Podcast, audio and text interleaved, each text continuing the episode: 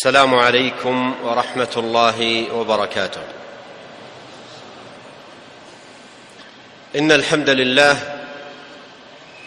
نحمده ونستعينه ونستغفره ونتوب إليه ونعوذ بالله من شرور أنفسنا وسيئات أعمالنا. من يهده الله فلا مضل له ومن يضلل فلا هادي له وأشهد أن لا إله إلا الله وحده لا شريك له وأشهد أن محمدا عبده ورسوله صلى الله وسلم عليه وعلى آله وصحبه أجمعين. أما بعد أيها المؤمنون أيها الإخوة في الله هذه ساعة مباركة نجتمع فيها في هذا المسجد مسجد الاستقلال الذي أسأل الله عز وجل أن يبارك فيه وأن يجزي القائمين عليه خير الجزاء وأن يثيبهم على تهيئة هذه الفرصة وترتيب هذا اللقاء تعاونا مع إذاعة رجاء تلك الإذاعة النافعة المفيدة. فأسأل الله عز وجل أن يجزي الجميع خيرا وأن يثيبهم على على ذلك أعظم الثواب. كما إنني أسأل الله عز وجل أن يثيبكم أيها الإخوة الحضور من المؤمنين والمؤمنات صغارا وكبارا على تجشمكم الحضور إلى هذا المسجد للمشاركة في هذا اللقاء وسماع هذه المحاضرة وأسأل الله عز وجل أن يوفقنا جميعا لما يحبه ويرضاه من سديد الاقوال والاعمال انه تبارك وتعالى سميع مجيب Bismillahirrahmanirrahim. Alhamdulillah. Segala puji kita panjatkan kehadirat Allah Subhanahu wa taala dan kita mem- memohon isti'anah dari Allah Subhanahu wa taala. Dan kita bertobat kepada Allah Subhanahu wa taala dan berlindung kepada Allah Subhanahu wa taala dari kejahatan jiwa kita dan dari kejelekan amalan-amalan kita. Sungguhnya barang siapa yang diberi petunjuk oleh Allah Subhanahu wa taala, maka tidak akan ada yang bisa menyesatkannya. Dan barang siapa yang disesatkan oleh Allah Subhanahu wa taala, maka tidak akan ada yang bisa memberi petunjuk kepadanya. Dan kita bersaksi pula bahwasanya tidak ada ilah sesembahan yang berhak untuk disembah melainkan Allah Subhanahu wa taala. dan kita bersaksi bahwasanya Nabi Muhammad adalah utusan Allah dan Rasul Allah. Semoga salawat dan salam senantiasa tercurahkan kepada beliau, keluarga beliau serta sahabat beliau seluruhnya. Kaum mukminin sekalian, para ikhwah sekalian, para hadirin sekalian, ini merupakan waktu yang penuh barakah. Kita berkumpul pada saat ini di Masjid Istiqlal yang insya Allah Allah beri berkah terhadap masjid ini dan semoga Allah Subhanahu wa taala memberi pahala dan ganjaran kepada pengurus masjid ini yang telah memberikan kesempatan bagi kita untuk berkumpul dalam rangka menuntut ilmu bekerja sama dengan Radio Roja. Oleh karena itu semoga Allah Subhanahu wa taala memberkahi kru Radio Roja dan pengurus masjid ini dan semoga Allah Subhanahu wa taala memberi taufik kepada kita semua. Demikian juga Syekh uh, mendoa berdoa kepada Allah Subhanahu wa taala agar Allah Subhanahu wa taala memberi ganjaran dan pahala yang besar kepada para hadirin sekalian, baik bapak-bapak maupun ibu-ibu maupun yang tua maupun yang anak-anak. Semoga Allah Subhanahu wa taala memberi taufik kepada kita semua. موضوعنا في هذا اللقاء عنوانه أسباب السعادة. وأبدأ حديثي حول هذا الموضوع بالتوجه إلى الله سبحانه وتعالى الذي بيده أزمة الأمور ومقاليد السماوات والأرض سائلا إياه جل وعلا بأسمائه الحسنى وصفاته العلى أن يجعلنا جميعا من أهل السعادة وأن يكتبنا في عداد عباده السعداء وأن يعيذنا من الشقاء وسبيل أهله إنه تبارك وتعالى سميع مجيب. Para hadirin dirahmati oleh Allah Subhanahu wa taala. Pertemuan kita kali ini Syekh akan membahas tentang eh, sebab-sebab uh, yang bisa mendatangkan kebahagiaan. Dan sebelum Syekh menyampaikan muhadarah beliau pada kesempatan kali ini, beliau berdoa kepada Allah Subhanahu wa taala yang kita tahu semua bahwasanya segala perkara di tangan Allah Subhanahu wa taala. Segala keputusan adalah keputusan Allah Subhanahu wa taala maka kita semua bertawajuh mengharap kepada Allah Subhanahu wa taala agar Allah menjadikan kita termasuk orang-orang yang berbahagia dan Allah menjadikan kita termasuk orang-orang yang menempuh jalan-jalan kebahagiaan dan agar Allah Subhanahu wa taala menjauhkan kita dari jalan-jalan yang bisa mengantarkan kepada kecelakaan dan semoga kita bukan termasuk dari orang-orang yang celaka. والسعادة أيها المؤمنون هي مطلب البشرية ومقصود كل إنسان فإن الناس كلهم يبحثون عن السعادة ويرجون حصولها ويحاذرون من الشقاء ولا يريد أحد لنفسه أن يكون من أهله. لكن تفاوتت الأفهام في طريقة البحث عن السعادة والسعي لنيلها. ولما كانت الأفهام والآراء والعقول متفاوتة في ذلك تفاوت الناس في طرائق ومسالك البحث عن السعادة. فأصبح من الناس من يبحث عن السعادة في أمور تجلب له الشقاء وتبعده عن السعادة غاية البعد.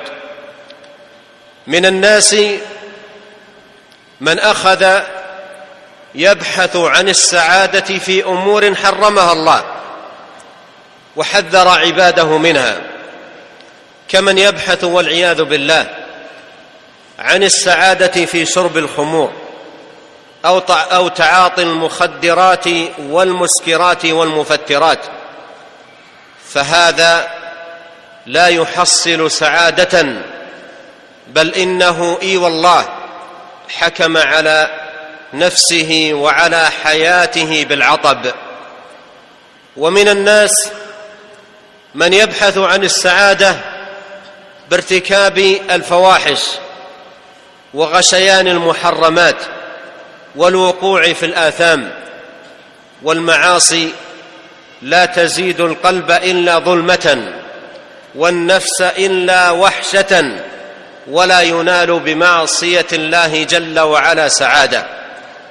ومن الناس من أخذ يبحث عن السعادة بجمع المال ولو بوجوه محرمة وطرائق, وطرائق آثمة.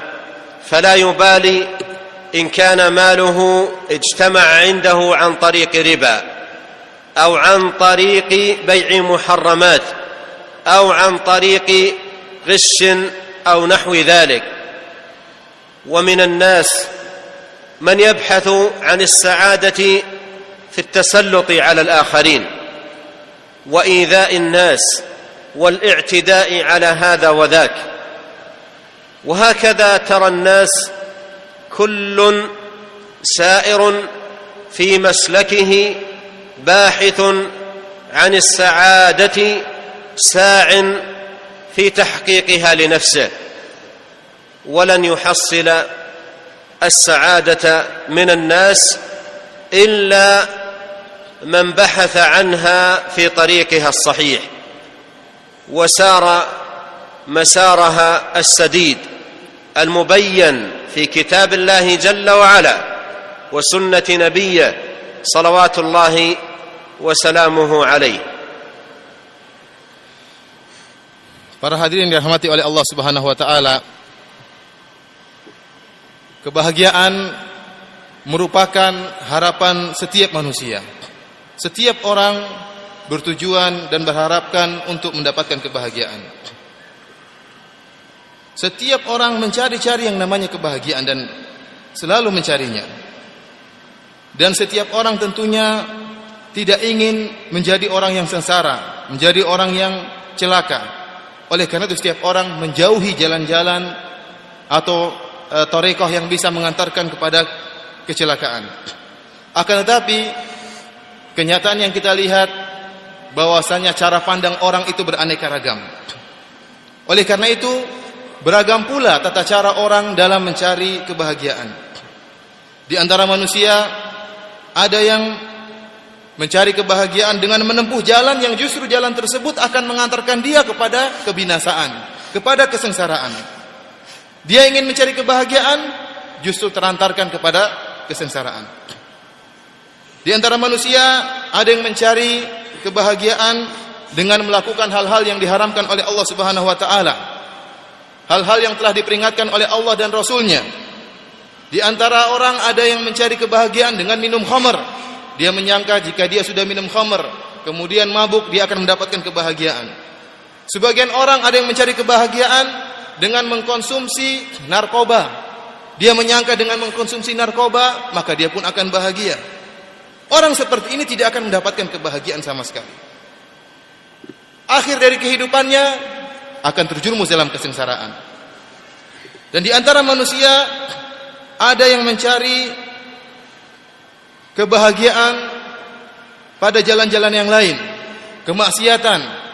Mereka menyangka semakin terjurus dalam kemaksiatan akan semakin banyak kebahagiaan yang akan mereka peroleh.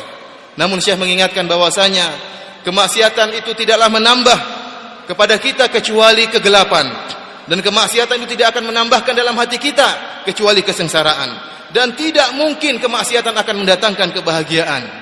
Kalau datangkan kebahagiaan hanyalah kebahagiaan yang fata morgana. Dan di antara manusia ada yang men menyangka bahwasanya kebahagiaan terdapat pada harta yang banyak. Maka dia berusaha mengumpulkan harta sebanyak-banyaknya karena cara pandang dia bahwasanya kebahagiaan terdapat pada harta yang berlimpah. Bahkan dia tidak peduli. Dia menempuh mencari harta dengan cara-cara yang diharamkan oleh Allah Subhanahu wa taala. Apakah dengan praktek riba? Yang penting uang saya banyak, yang penting harta saya banyak. Apakah dengan cara ghish, dengan cara curang, menipu orang lain, atau dengan melakukan praktek-praktek perdagangan yang diharamkan oleh Allah Subhanahu wa taala. Dan di antara manusia pula ada yang mencari kebahagiaan dengan berbuat zalim kepada orang lain, dengan me me mengganggu orang lain. Jika ada orang lain terzalimi oleh dia, dia merasa bahagia. Bahagia dengan penderitaan orang lain, bahagia dengan mengganggu orang lain. Demikianlah para hadirin yang dirahmati oleh Allah Subhanahu wa taala, kita melihat manusia yang beraneka ragam ini juga memiliki cara pandang yang beraneka ragam dalam menempuh dalam mencari kebahagiaan. Namun ingat ya, tidak akan bisa seorang pun memperoleh kebahagiaan kecuali dengan menempuh jalan dan torekoh yang telah dijelaskan oleh Allah dan Rasulnya. Jalan yang lurus yang bisa benar-benar mengantarkan kepada kebahagiaan. وجميع هؤلاء الذين سلكوا هذه المسالك اذا سئل الواحد منهم عن اي شيء تبحث وماذا تريد بفعلك لهذه الأمور لقال أريد السعادة. أبحث عن راحة النفس عن هدوء البال عن قرة العين عن لذة وهناءة في العيش. أريد زوال الهموم وانكشاف الغموم وذهاب الآلام والأحزان. وكل من هؤلاء له وجهة هو موليها وقد سلكوا في ذلك طرائق قددا لكن كل لن يظفر بسعادة من طريق لا يرضاه رب العالمين. نعم قد يجد من يغشى شيئا من هذه الأمور لذة مؤقتة. يعقبها ألم متواصل.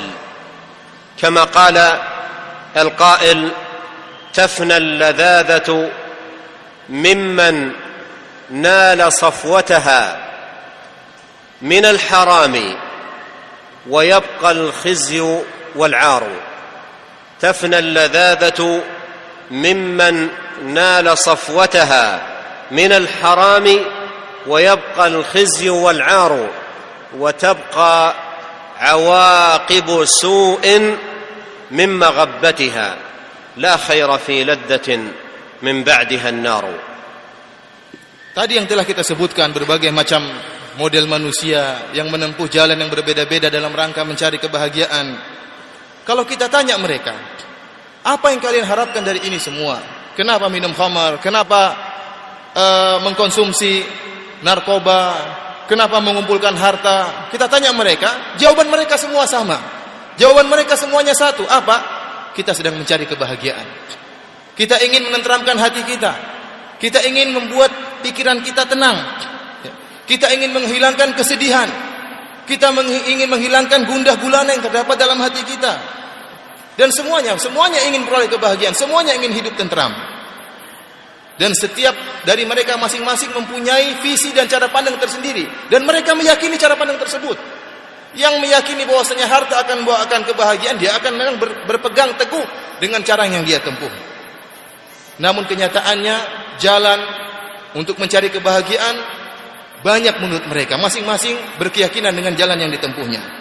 Akan tetapi kata Syekh Rahim eh, Hafizahullah bahwasanya tidak seorang pun dari mereka akan berhasil memperoleh kebahagiaan kalau tidak menempuh jalan yang telah dijelaskan oleh Allah dan Rasulullah sallallahu alaihi wasallam. Memang benar. Memang benar.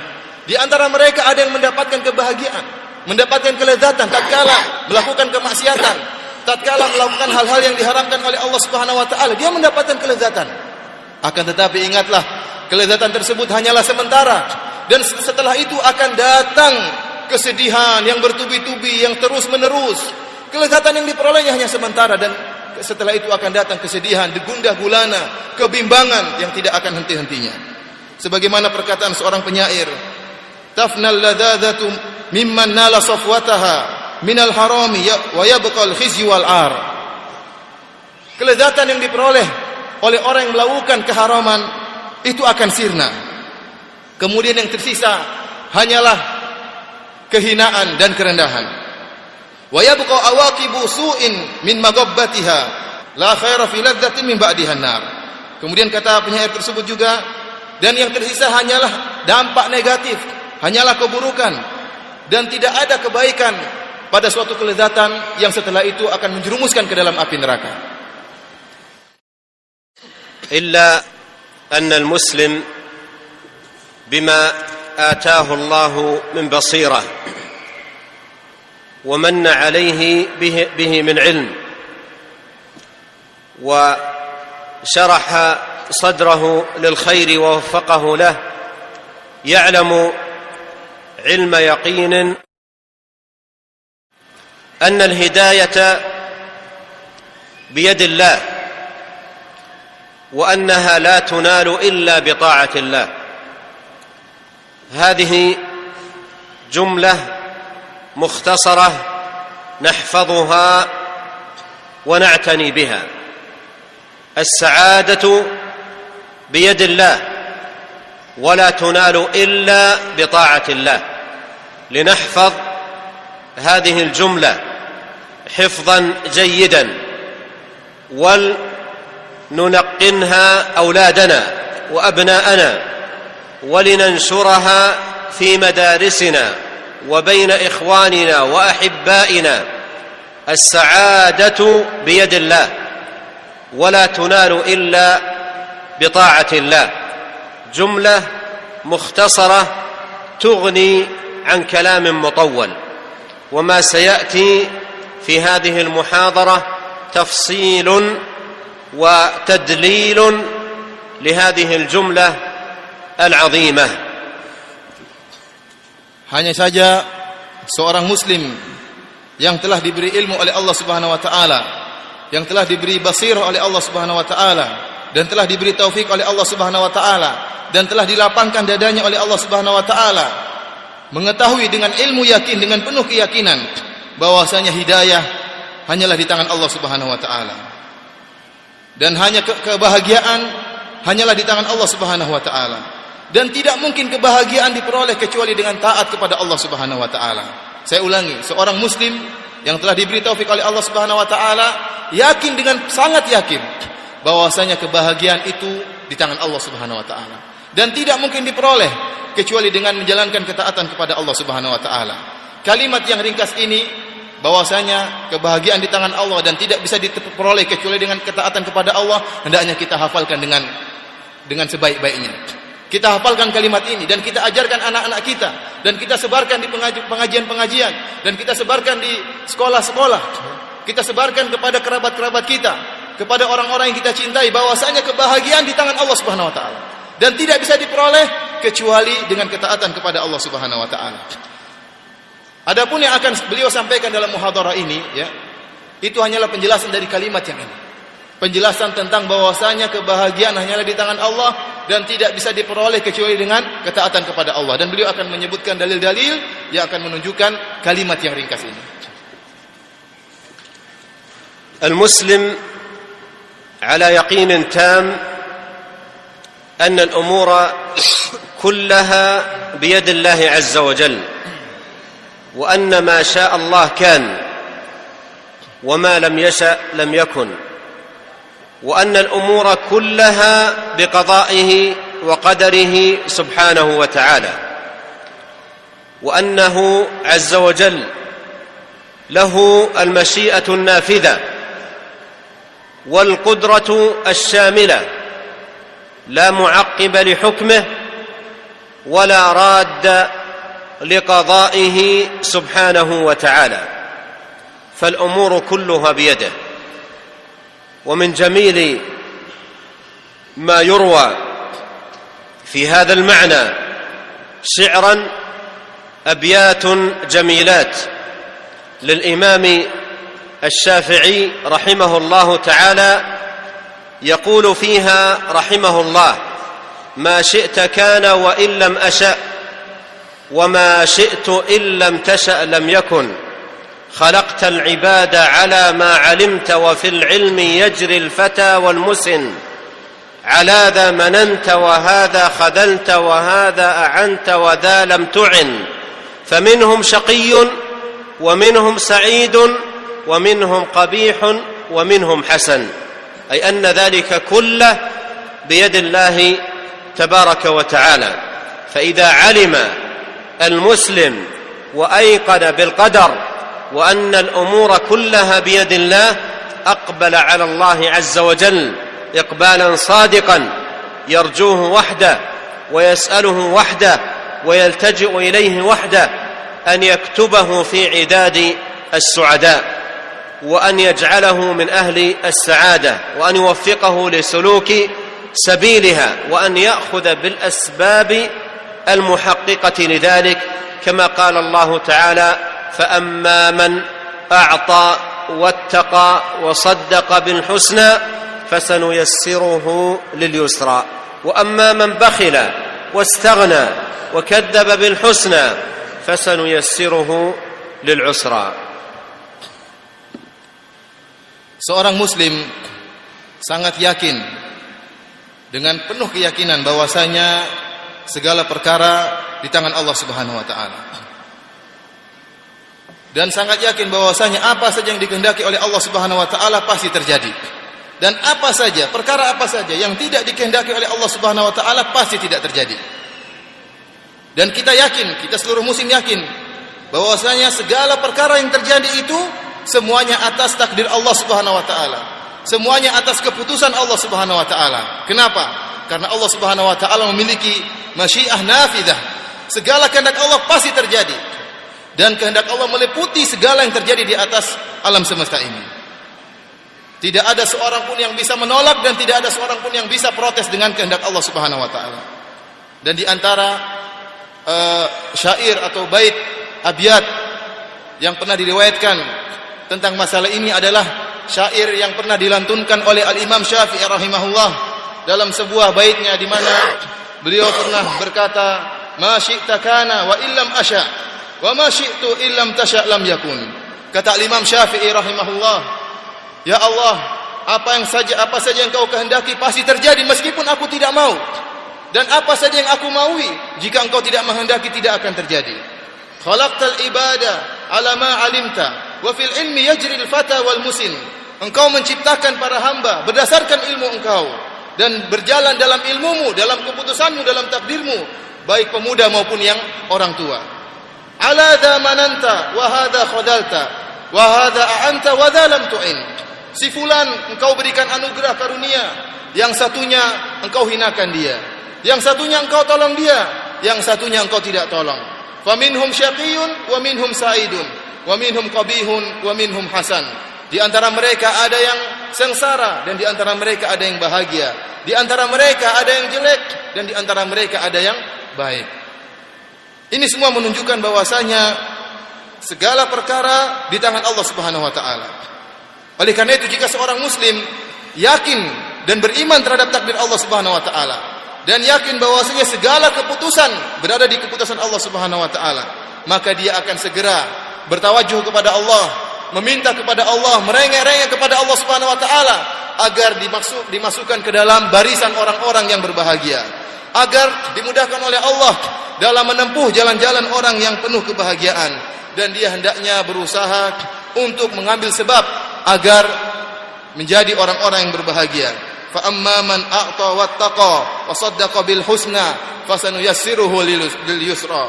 Barang siapa yang dia memberi dan kemudian bertakwa kepada Allah Subhanahu wa taala dan membenarkan ya uh, surga atau janji-janji Allah wa taala maka Allah Subhanahu wa taala akan mudahkan jalannya kepada jalan yang baik fa imma ya'tiyannakum minni huda faman ittaba'a hudaya فلا يضل ولا يشقى فمن اتبع هداي فلا يضل ولا يشقى ومن اعرض عن ذكري فان له معيشه ضنكا وهذا قضاء قضاه الله سبحانه وتعالى أن من اتبع هداه فإنه لا يضل ولا يشقى وضد الضلال الهداية وضد الشقاء السعادة.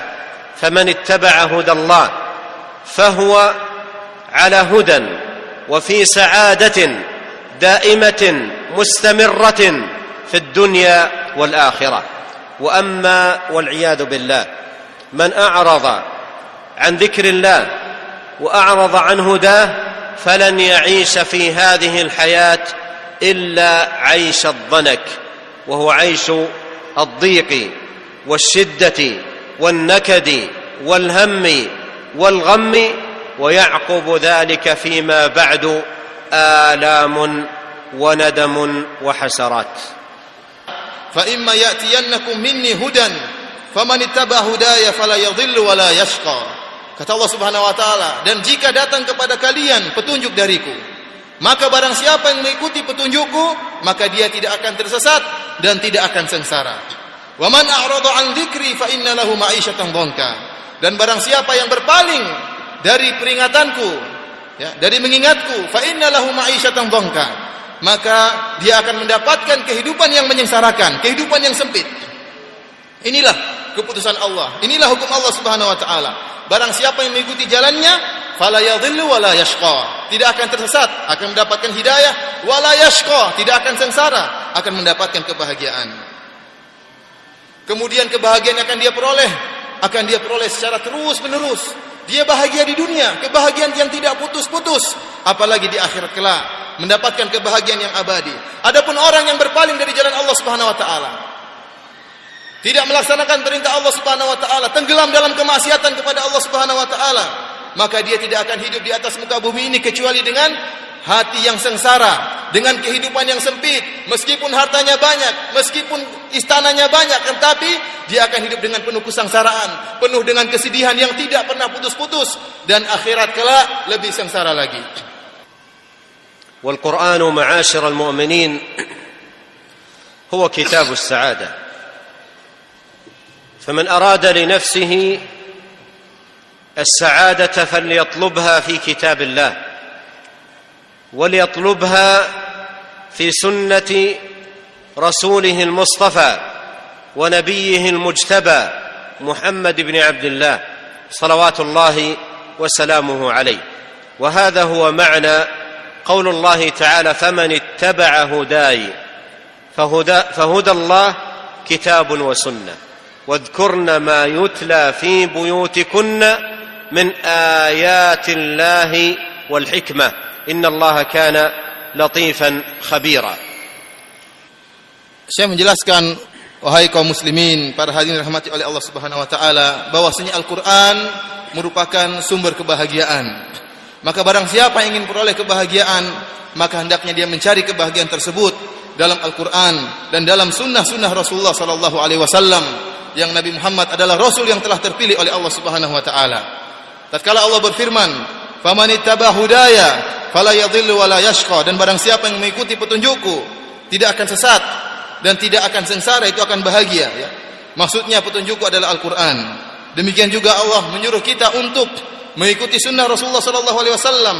Dalam Al-Qur'an Allah berfirman, "Wadhkurna ma yatluna fi buyutikum fi buyutikunna minal ayati wal hikmah." dan ingatlah apa yang telah kalian baca di rumah-rumah kalian dari ayat-ayat Allah dan hikmah dari sunnah Rasulullah sallallahu alaihi wasallam. والله جل وعلا انزل هذا القران العظيم الكريم لتسعد البشريه فهو حقا كتاب السعادة. ومن أراد السعادة لنفسه فسيجدها في كتاب السعادة كتاب الله تبارك وتعالى. ولما نزل القرآن على نبينا عليه الصلاة والسلام وشرح الله عز وجل من شرح سبحانه صدره من الناس لقبوله وتلقيه والإيمان به بدأ المشركون يذمون النبي عليه الصلاة والسلام ويصفونه بالألقاب الشنيعة ويذمون القرآن الكريم ويزعمون أنه كتاب مفترى وأنه كتاب أنزل على محمد من أجل أن يشقى وأن يشقى من اتبعه. فحكموا هذا الحكم الجائر وادعوا هذه الدعوة الظالمة فأنزل الله تبارك وتعالى قوله طه ما أنزلنا عليك القرآن لتشقى. طه ما أنزلنا عليك القرآن لتشقى. أي إنما أنزلناه عليك لتسعد. فمن كان من أهل القرآن فهو من أهل السعادة. والمراد بأهل القرآن أهله الذين هم أهله حقا. كما قال الله الذين آتيناهم الكتاب يتلونه حق تلاوته أولئك يؤمنون به. ومعنى يتلونه حق تلاوته أي يقرؤونه ويحفظونه يجاهدون انفسهم على حفظ ما استطاعوا حفظه من سوره واياته ويفهمون القران ويسعون في فهم القران ويعملون بالقران الكريم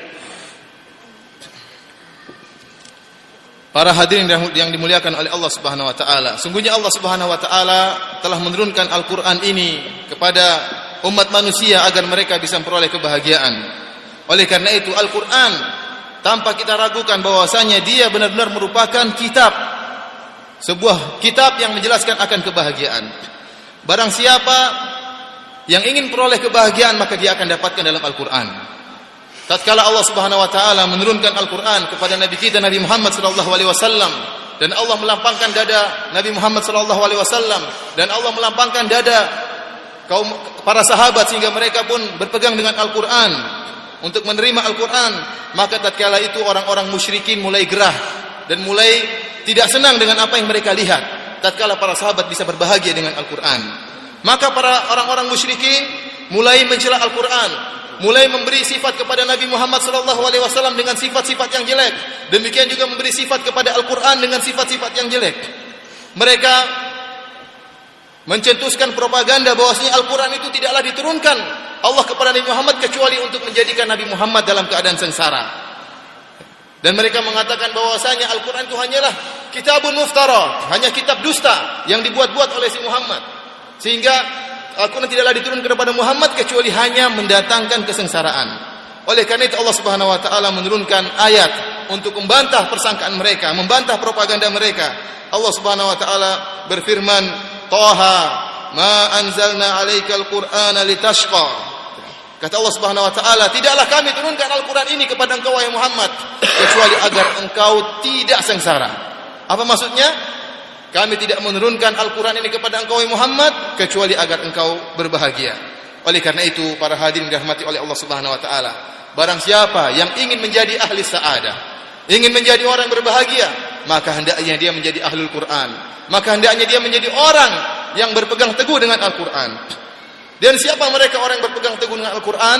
Allah Subhanahu wa taala berfirman, "Alladzina atainahumul kitaba yatlunahu haqqa tilawatih, ulaika yu'minuna bih." dan orang-orang yang kami berikan kepada mereka Alkitab dan mereka membaca Alkitab tersebut dengan sebenar-benar bacaan itulah orang-orang yang beriman kepada Al-Qur'an haqqa tilawati baca dengan sebaik-baiknya apa maksudnya yaitu membaca Al-Qur'an memahami Al-Qur'an berusaha memahami makna-makna ayatnya dan berusaha untuk mengamalkannya orang yang seperti itu yang baca Al-Quran dengan benar cuma tidak sekedar baca tetapi dibaca, dipahami dan berusaha untuk mengamalkannya itulah orang-orang yang berbahagia وليس معنى هذا ان من واجب تحصيل السعاده ان يحفظ القران كاملا اذ هذا ليس متيسر لكل احد لكن المراد أن يكون المسلم مرتبطا بهذا الكتاب العظيم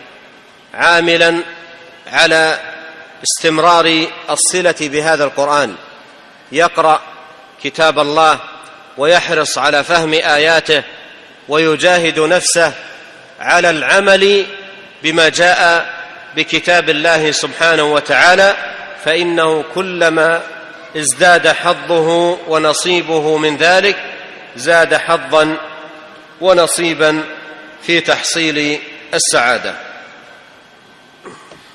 Saya menjelaskan bahwasanya bukan maksud dari penjelasan kita yaitu seorang ingin berbahagia harus hafal Quran ya. Tidak disyaratkan orang yang berbahagia harus hafal Quran karena tidak semua orang mudah untuk bisa menghafal Quran secara 30 juz ya. Akan tapi maksudnya seorang ingin bahagia maka dia menjadi ahlul Quran.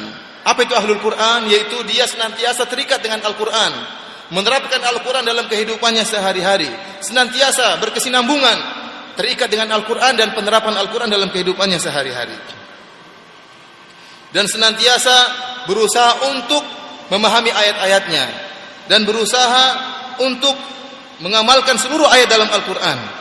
Karena saya menjelaskan semakin banyak dia mengambil bagian dalam memahami dan pengamalan Al-Quran, maka dia semakin banyak memperoleh bagian dalam kebahagiaan wa idza qara'a al-muslimu kitab Allah subhanahu wa ta'ala 'arafa anna as-sa'adah kama dalla kitab Allah 'azza wa jalla انما تنال بالايمان بالله عز وجل الايمان به ربا خالقا رازقا معطيا مانعا خافضا رافعا قابضا باسطا معزا مذلا هاديا مضلا وأنه جل وعلا بيده أزمة الأمور والإيمان بأسمائه الحسنى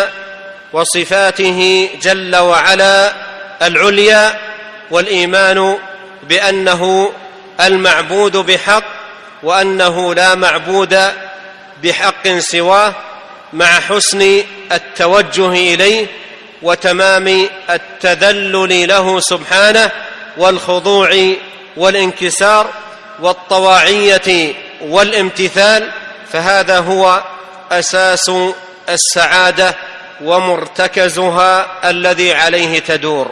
كما قال الله تعالى من عمل صالحا من ذكر أو أنثى وهو مؤمن فلنحيينه حياة طيبة ولنجزينهم أجرهم بأحسن ما كانوا يعملون. فالحياة الطيبة حياة السعداء إنما تنال بالإيمان بالله وبكل ما امر سبحانه وتعالى عباده بالايمان به وبالاعمال الصالحات والطاعات الزاكيات المقربات الى الله سبحانه وتعالى Jika seorang muslim membaca Al-Qur'an, maka dia akan semakin yakin dan mengetahui bahwasanya kebahagiaan itulah yang ditunjukkan oleh Al-Qur'an. Bahwasanya kebahagiaan tidak bisa diperoleh kecuali dengan iman kepada Allah Subhanahu wa taala dan beramal saleh. Beriman kepada Allah Subhanahu wa taala bahwasanya Allah Subhanahu wa taala adalah penguasa alam semesta ini, pencipta alam semesta ini. Maha Esa dalam mengatur alam semesta ini. Tidak ada satupun yang membantu Allah dalam menciptakan dan mengatur alam semesta ini. Dialah yang maha memberi rizki kepada hamba-hambanya. Dan dialah yang memberi dan dialah yang menolak. Dan dialah yang melapangkan rezeki dan dialah yang menyempitkan rezeki dan dialah yang memuliakan seorang dan dialah yang menghinakan seorang. Dan meyakini bahwasanya mengimani bahwasanya segala perkara di tangan Allah Subhanahu wa taala. Yaitu kita beriman dengan nama-nama Allah Subhanahu wa taala yang indah dan kita beriman dengan sifat-sifat Allah yang tinggi dan kita beriman bahwasanya Allah Subhanahu wa taala hanyalah satu-satunya sembahan yang berhak kita serahkan ketundukan kita yang berhak untuk diserahkan ibadah kita dan selain Allah Subhanahu wa taala tidak berhak untuk diserahkan segala bentuk ibadah kepadanya kemudian kita pun bertawajuh benar-benar minta kepada Allah Subhanahu wa taala disertai dengan ketundukan, perendahan, perengean di hadapan Allah Subhanahu wa taala dengan menjalankan perintah-perintah Allah Subhanahu wa taala dan menjalankan ketaatan-ketaatan yang mensucikan diri kita.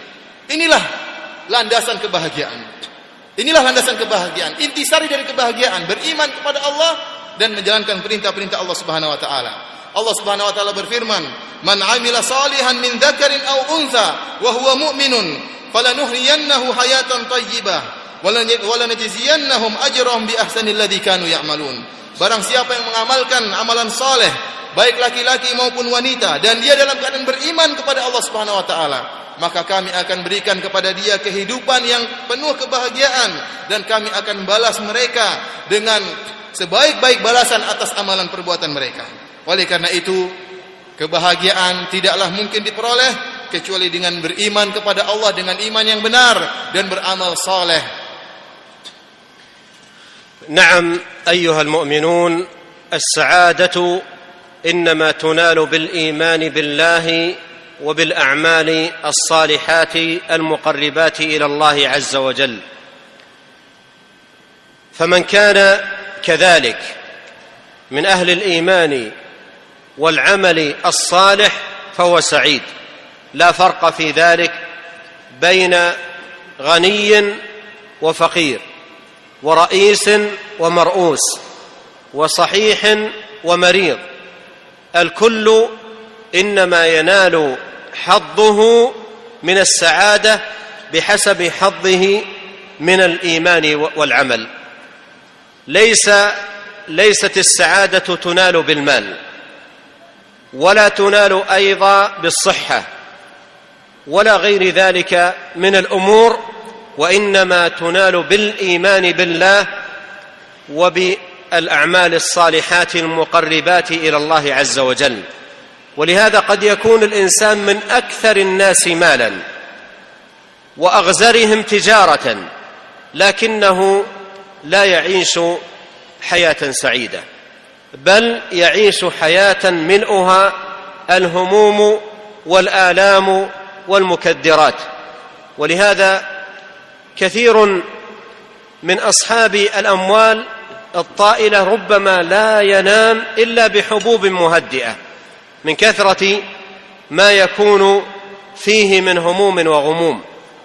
وتجد الفقير لو وضع رأسه على حجر ليس على فراش وثير ينام فورا وهو مرتاح البال قرير العين بما آتاه الله سبحانه وتعالى بما آتاه الله جل وعلا من إيمان وعمل صالح. كذلك ليس ليست السعادة مرتبطة بصحة أو مرض. فقد يكون الإنسان صحيحا قوي الجسم حسن البنية لكنه لا يشعر بسعادة. وقد يكون الآخر مريضا لكنه يحس ويجد سعادة ولذة للإيمان الذي جعله الله سبحانه وتعالى في قلبه وصدره. وأذكر في هذا المقام قصة عجيبة للغاية وهي أن قبل سنة تقريبا اتصل بي شاب لا يبلغ من العمر ثلاثين سنة عمره سبع, سبع وعشرون سنة. وقال عندي سؤال ولكن قبل أن أسأل أريد أن أعرفك بحالي. قلت تفضل. قال أنا لا يتحرك في من جسمي إلا رأسي فقط. يعني بقية الجسم مما دون الرقبة إلى القدمين لا يتحرك نهائيا. يعني مصاب بشلل رباعي. ثم طرح سؤاله قلت له قلت له أنت في أي بلد؟ فذكر لي فقلت أريد أن أزورك. وأخذت العنوان وزرته في مكانه وجلست معه ساعة ونصف. وحدثني عن قصته وأنها كانت بسبب حادث سيارة إلى آخر قصته. لكنه قال لي والله إني أحس الآن بسعادة مشيت على قدمي كثيرا أبحث عنها لم أجدها. يقول والله إني أحس الآن بسعادة مشيت على قدمي كثيرا أبحث عنها ولم أجدها. وهذه السعادة هي سعادة الإيمان إن شاء الله والرضا بقضاء الله سبحانه وتعالى. فإذا كان العبد مؤمنا من أهل العمل الصالح والإقبال على الله ينزل الله على قلبه سعادة ولو كان في مرض لو كان في سقم لو كان. ولهذا قال عليه الصلاة والسلام عجبا لأمر المؤمن إن أمره كله خير إن أصابته سراء شكر فكان خيرا له وإن أصابته ضراء صبر فكان خيرا له. وذلك لا يكون إلا للمؤمن. فالمؤمن في سرائه وضرائه وشدته ورخائه وجميع أحواله سعيد وحياته دائما إلى خير. إن أصابته سراء أي نعمة وأمر مفرح ومسر أو سار فإنه يشكر الله ويعرف أن هذا فضل الله عز وجل. فيفوز بثواب الشاكرين. وإن أصابته ضراء من فقر أو مصيبة أو مرض أو نحو ذلك فإنه يصبر فيفوز بثواب الصابرين. وكما أن شكر النعمة لذة فإن الصبر على المصيبة لذة. كل يتذوقها. المنعم عليه الشاكر يذوق لذة الشكر. والمبتلى الصابر يذوق لذة الصبر وهي حلاوة يجدها كل منهما في قلبه. وقد اختلف أهل العلم أيهما أفضل الغني الشاكر أو الفقير الصابر؟ وسئل عن هذا السؤال شيخ الإسلام ابن تيمية رحمه الله قال افضلهما اتقاهما لله افضلهما اتقاهما لله قال وان كانوا في التقوى سواء فهم في الفضل سواء Kaum muslimin yang dimuliakan oleh Allah Subhanahu wa taala, sungguhnya kebahagiaan hanyalah diperoleh dengan iman kepada Allah Subhanahu wa taala dan menjalankan amalan-amalan soleh yang bisa mendekatkan kita kepada Allah Subhanahu wa taala.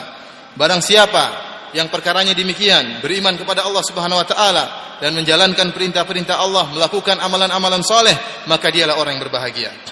Dan dalam permasalahan ini tidak ada perbedaan antara laki-laki maupun perempuan, antara orang miskin maupun orang kaya, ya. antara orang sakit ataupun orang sehat. Barang siapa yang beramal soleh, dia yang bahagia. Dia yang bahagia. Bukan kebahagiaan diperoleh dengan harta. Bukan orang yang hartanya paling banyak, dia yang bahagia. Bukan yang orang yang paling sehat badannya, dia yang bahagia. Tidak. Oleh karena itu, ya, kita dapati ada orang yang hartanya sangat banyak luar biasa. Hartanya berlimpah ruah, akan tapi tidak berbahagia. Hidupnya tidak berbahagia. Hidupnya penuh dengan kesengsaraan, penuh dengan kesedihan, penuh dengan gundah gulana, meskipun dia punya uang paling banyak. Bahkan dia tidak bisa tidur kecuali kalau sudah minum obat penenang. Banyak orang seperti ini. Hartanya berlimpah tapi tidak bisa tidur, hanya bisa tidur dengan meminum obat penenang. Sebaliknya kita dapati seorang miskin, tidak punya duit. Namun kalau suruh tidur di atas batu saja langsung tidur, tidak perlu obat penenang. Tidak perlu tidur di atas kasur yang empuk. Bahkan tidur di atas batu, dia bisa tidur. Kenapa? Karena dia berbahagia. Kemudian saya juga mengingatkan bahwasanya kebahagiaan juga tidak diperoleh dengan kesehatan. Bukan berarti orang yang paling bahagia yaitu orang yang badannya paling sehat, tubuhnya paling fit, ya, paling atletis. Bukan, bukan itu tanda-tanda kebahagiaan. Bisa jadi seorang tubuhnya sehat namun jiwa sakit. Hatinya penuh dengan kesedihan, penuh dengan kesengsaraan, dengan kepedihan. Bahkan bisa jadi seorang dalam keadaan sakit.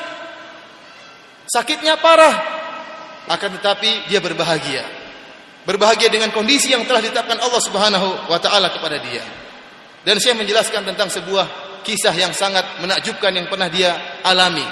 Kata beliau sekitar tahun lalu ada seorang pemuda yang nelpon beliau ingin bertanya suatu permasalahan agama. Maka pemuda ini berkata, "Ya Syekh, sebelum saya bertanya, saya ingin mengenalkan diri saya kepada Anda." Kata Syekh, "Silakan." Kata dia, "Ya Syekh, saya ini umur saya 27 tahun dan saya terkena penyakit stroke." Terkena penyakit stroke. Tidak ada tubuh saya yang bisa bergerak kecuali hanya kepala saya. Seluruh badan, tangan semua tidak ada yang bisa bergerak. Kemudian Syekh bertanya kepada dia, "Anda ini wahai pemuda, Anda tinggal di mana?" Saya ingin ziarah menemui Anda. Ya, akhirnya dia kabarkan saya tinggal di tempat fulani, tempat tertentu. Akhirnya Syekh pun menziarahi orang ini, datang ke rumahnya, menziarahi dia, kemudian berbicara dengan dia sekitar selama satu setengah jam. Ya. Dia menceritakan bahwasanya dia terkena penyakit seperti ini, stroke karena asalnya ada uh, kecelakaan mobil ya, sehingga akhirnya dia terkena uh, lumpuh yang total seperti ini kecuali kepala kepalanya yang masih bisa digerakkan. Ini yang menarik perhatian Syekh. Apa kata orang yang kondisinya seperti ini? Tangannya tidak bisa digerakkan, kakinya tidak bisa digerakkan, hanya kepalanya yang bisa dia gerakkan, lisan yang bisa dia ucapkan. Apa dia katakan?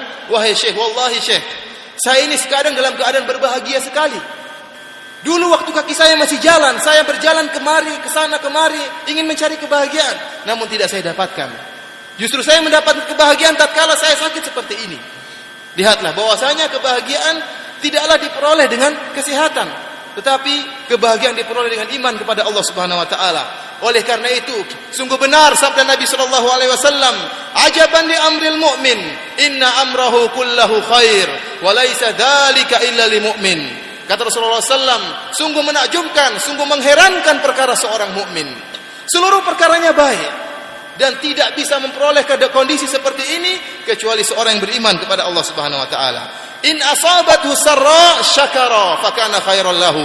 Kalau dia diberikan anugerah kenikmatan dari Allah Subhanahu wa taala, maka dia pun bersyukur kepada Allah dan itulah yang terbaik bagi dia. Wa in asabathu darra sabara fakana khairan lahu. Dan jika dia ditimpa dengan kesulitan, ditimpa dengan musibah, ditimpa dengan kemudaratan, dia bersabar. Fakana khairan lahu dan itu yang terbaik bagi dia. Oleh karena itu seorang yang beriman kepada Allah Subhanahu wa taala, tatkala bergelimang di atas kenikmatan atau tatkala ditimpa dengan musibah ya, baik dalam keadaan sulit ataupun dalam keadaan lapang maka dia berbahagia senantiasa berbahagia. Kenapa? Karena kehidupannya selalu penuh dengan keimanan kepada Allah Subhanahu wa taala.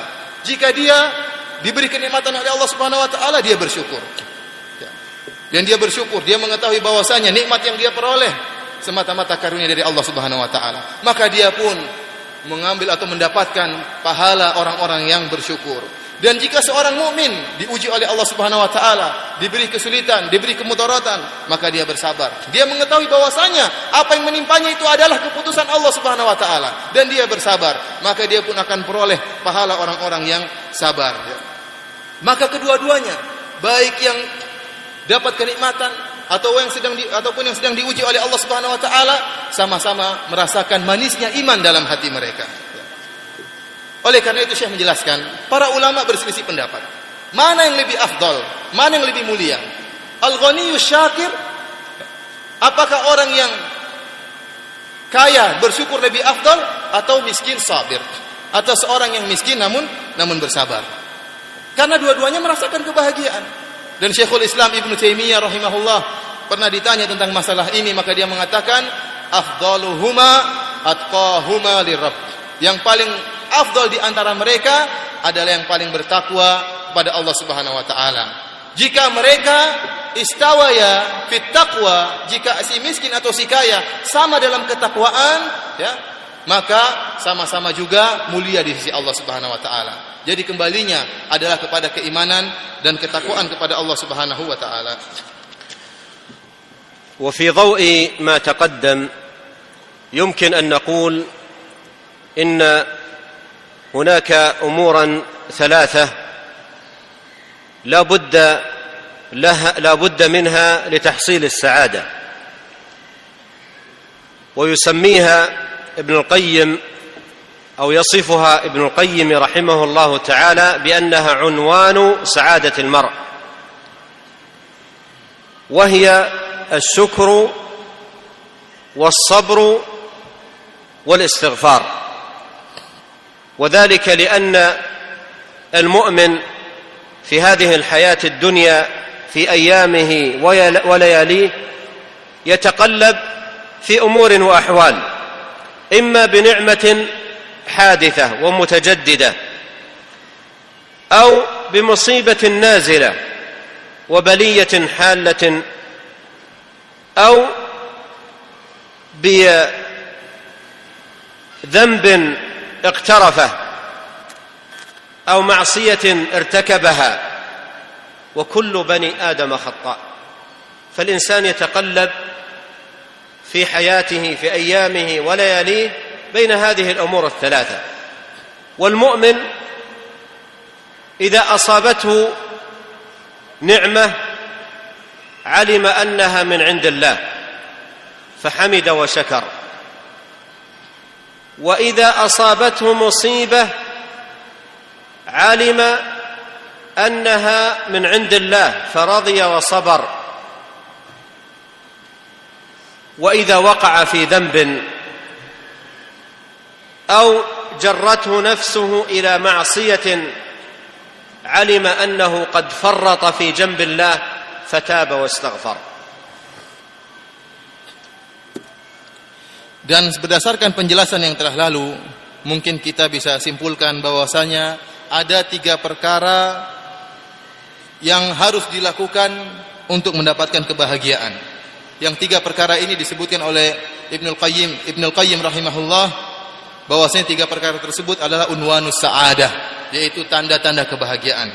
Alamatnya orang yang bahagia seperti apa? Apa tiga perkara tersebut? Yaitu yang pertama bersyukur kepada Allah Subhanahu wa taala, yang kedua bersabar, yang ketiga adalah istighfar kepada Allah Subhanahu wa taala. Kenapa tiga perkara ini? Karena setiap mukmin dalam menjalankan kehidupannya di atas muka bumi ini, dia hanya berpindah daripada satu dari tiga perkara ini. Dari tiga perkara yang tidak bisa dia hindarkan. Kalau dia tidak sedang berada di atas kenikmatan, dia sedang diuji oleh Allah Subhanahu wa taala dengan kesulitan, dengan kemudaratan atau mungkin dia terjerumus dalam dosa yang dia lakukan atau maksiat yang dia uh, apa namanya dia langgar.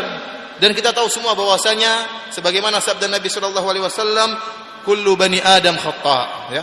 Setiap anak Adam pasti melakukan kesalahan oleh karena seorang mukmin tidak mungkin terlepas dari tiga kondisi ini. Kalau tidak mendapatkan kenikmatan, sedang diuji oleh Allah dengan kesulitan atau sedang melakukan dosa. Jika seorang mukmin mendapatkan kenikmatan dari Allah Subhanahu wa taala, maka dia mengetahui bahwasanya nikmat tersebut semata-mata dari karunia Allah Subhanahu wa taala, maka dia pun bersyukur kepada Allah Subhanahu wa taala. Ini salah satu dari tanda kebahagiaan. Jika seorang mukmin diberi kesulitan oleh Allah Subhanahu wa taala, ditimpa dengan musibah, dia yakin bahwasanya ini semua adalah dari sisi Allah, keputusan Allah Subhanahu wa taala, maka dia bersabar, maka dia telah melaksanakan tanda kedua orang yang berbahagia. Dengan jika seorang mukmin didorong oleh hawa nafsunya, terpengaruh dengan hawa nafsunya sehingga terjerumus dalam kemaksiatan, maka dia sadar bahwasanya sungguhnya dia telah melanggar larangan Allah Subhanahu wa taala, maka dia pun segera beristighfar, minta ampun kepada Allah Subhanahu wa taala. Dia pun telah melakukan atau mendapatkan tanda kebahagiaan dari Allah Subhanahu wa taala. وهذه الامور الثلاثه راجعه لما سبق وهو ان السعاده ترتكز على الايمان بالله عز وجل والاعمال الصالحات الإيمان بالله عز وجل مفزع وملجأ للمؤمن في كل أحواله. فإذا كان المؤمن يسير في هذه الحياة مستنيرا بنور الإيمان وسائرا في سنى وضياء الإيمان فإنه بإذن الله جل وعلا ينال السعادة ويحصلها وحظه منها بحسب حظه من الإيمان وهذا الإيمان هو في الحقيقة مفزع للمؤمن في كل أحواله فإذا استحضر الإيمان في كل موقف في كل حال في كل نازلة هداه إيمانه إلى أقوم السبل وهذه جملة تحتاج إلى شرح وبيان. وهي من الأهمية بمكان. فالمؤمن مثلا إذا وفق لطاعة وعبادة من صلاة أو صيام أو حج أو غير ذلك هداه إيمانه إلى أن هذه الطاعة التي وفق لها وهدي للقيام بها منة من الله عليه.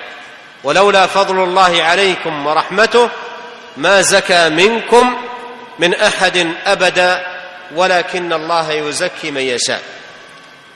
فيهديه إيمانه إلى الاعتراف بالنعمة. وشكر المنعم سبحانه وتعالى.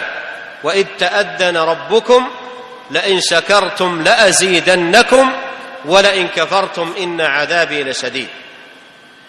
ثم إنه إذا وقع في ذنب ومعصية هداه إيمانه إلى أن هذا يعد تفريطا في جنب الله وتقصيرا في الواجب في حقه سبحانه وتعالى فيهديه إيمانه إلى الندم والتوبة والرجوع إلى الله والإكثار من الاستغفار.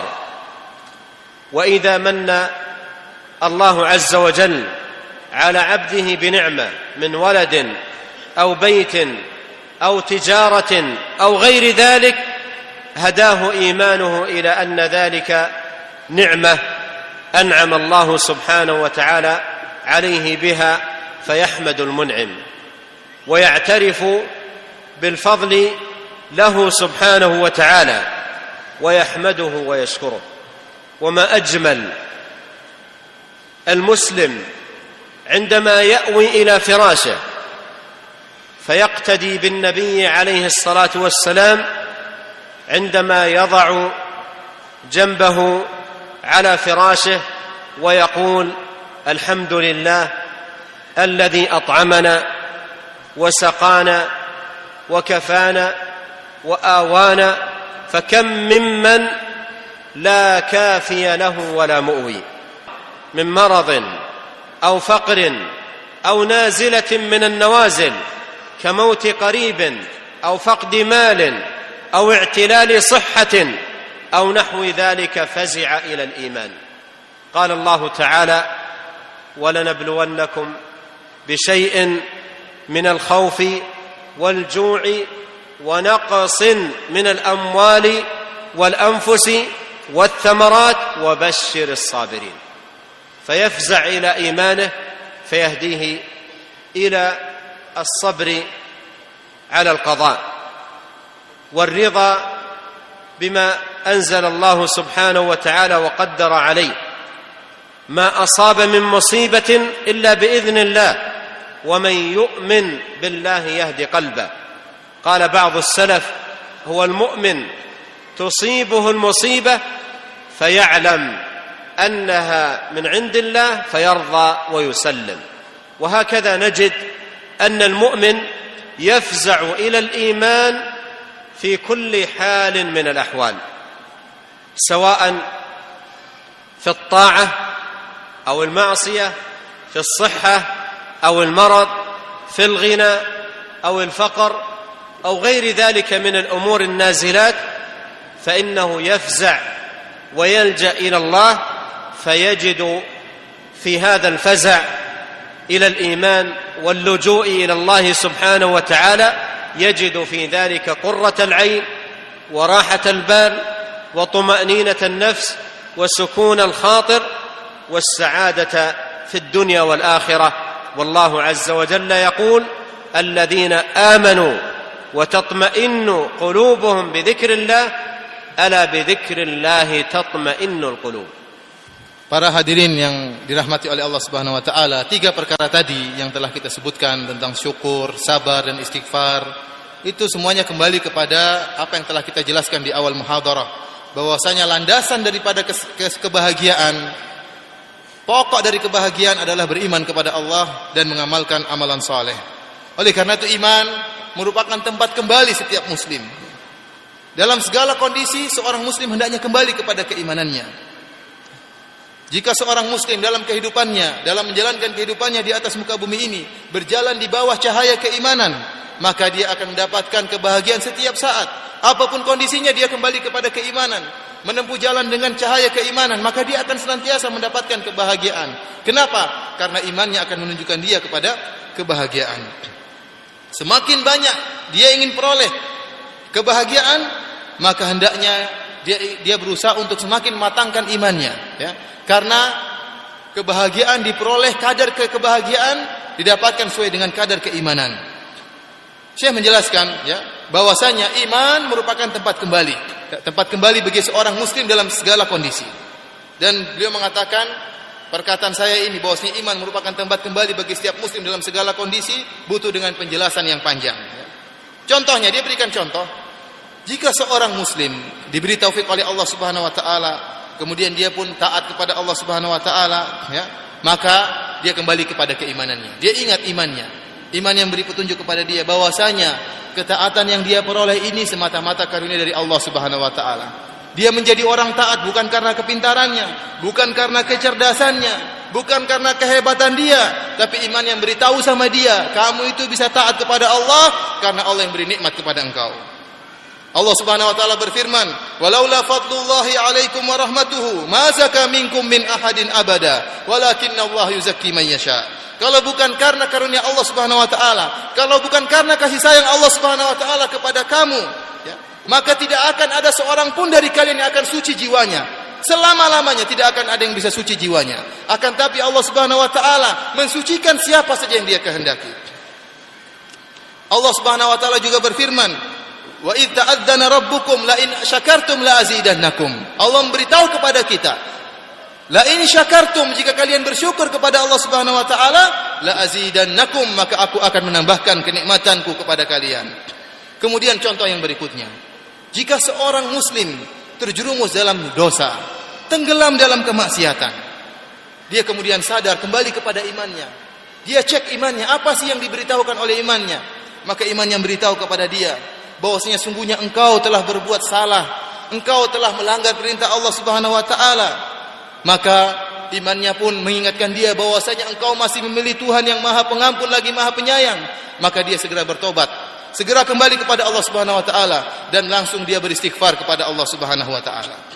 Demikian juga jika seorang hamba diberi kenikmatan anugerah oleh Allah Subhanahu wa taala dengan berupa anak-anak yang baik atau diberi perdagangan yang berhasil atau diberi rumah yang lapang maka apa yang diberitahu oleh imannya? Imannya ingatkan dia.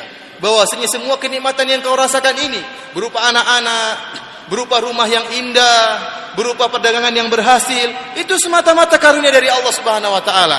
Semata-mata karunia dari Allah Subhanahu wa taala. Maka dia pun tahu bahwasanya apa yang dia lakukan bukan karena kecerdasan dia bukan karena kehebatan dia tapi semata-mata karunia dari Allah Subhanahu wa taala maka dia pun bersyukur kepada Allah Subhanahu wa taala. Sungguh indah jika seorang muslim tatkala dia setelah menjalankan kehidupannya di siang hari kemudian ingin tidur di malam hari kemudian dia menjalankan sunnah Rasulullah sallallahu alaihi wasallam dengan sebuah doa yang dibacakan oleh Nabi tatkala hendak tidur mengingatkan kita akan bagaimana kondisi kita. Apa di antara doa Nabi tatkala hendak tidur? Kata Nabi sallallahu alaihi wasallam, "Alhamdulillahilladzi at'amana wa saqana wa kafana wa awana." Maha suci Allah, sungguh Maha puji segala puji bagi Allah Subhanahu wa taala yang telah beri minum kepada saya, yang telah beri makan kepada saya, Allah kita mengakui Allah yang telah beri makan. Hari ini kita makan, Allah yang beri makan, Allah yang telah beri minum kepada kita. Kafana, Allah yang telah menjaga kita. Hari ini kita selamat, Allah yang jaga kita. Wa awana, hari ini kita bisa tidur di rumah. Allah yang membuat kita bisa menginap di rumah kita. Kemudian kata Nabi Shallallahu Alaihi Wasallam dalam doanya, "Fakam mimman la kafiyalahu wa la mu'wi." Betapa banyak orang yang tidak dijaga oleh Allah dan betapa banyak orang yang masih belum bisa tidur di rumah-rumah. Itu yang kita renungkan tatkala kita sebelum tidur. Oleh karena itu, seorang muslim harusnya sadar dan ingat bahwasanya rumah yang dia tinggali, makanan yang dia makan, minuman yang dia minum, semuanya karena dari Allah Subhanahu wa taala.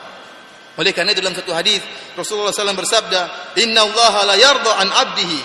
Ya, sungguhnya Allah Subhanahu Wa Taala ridha kepada hambanya. Bagaimana?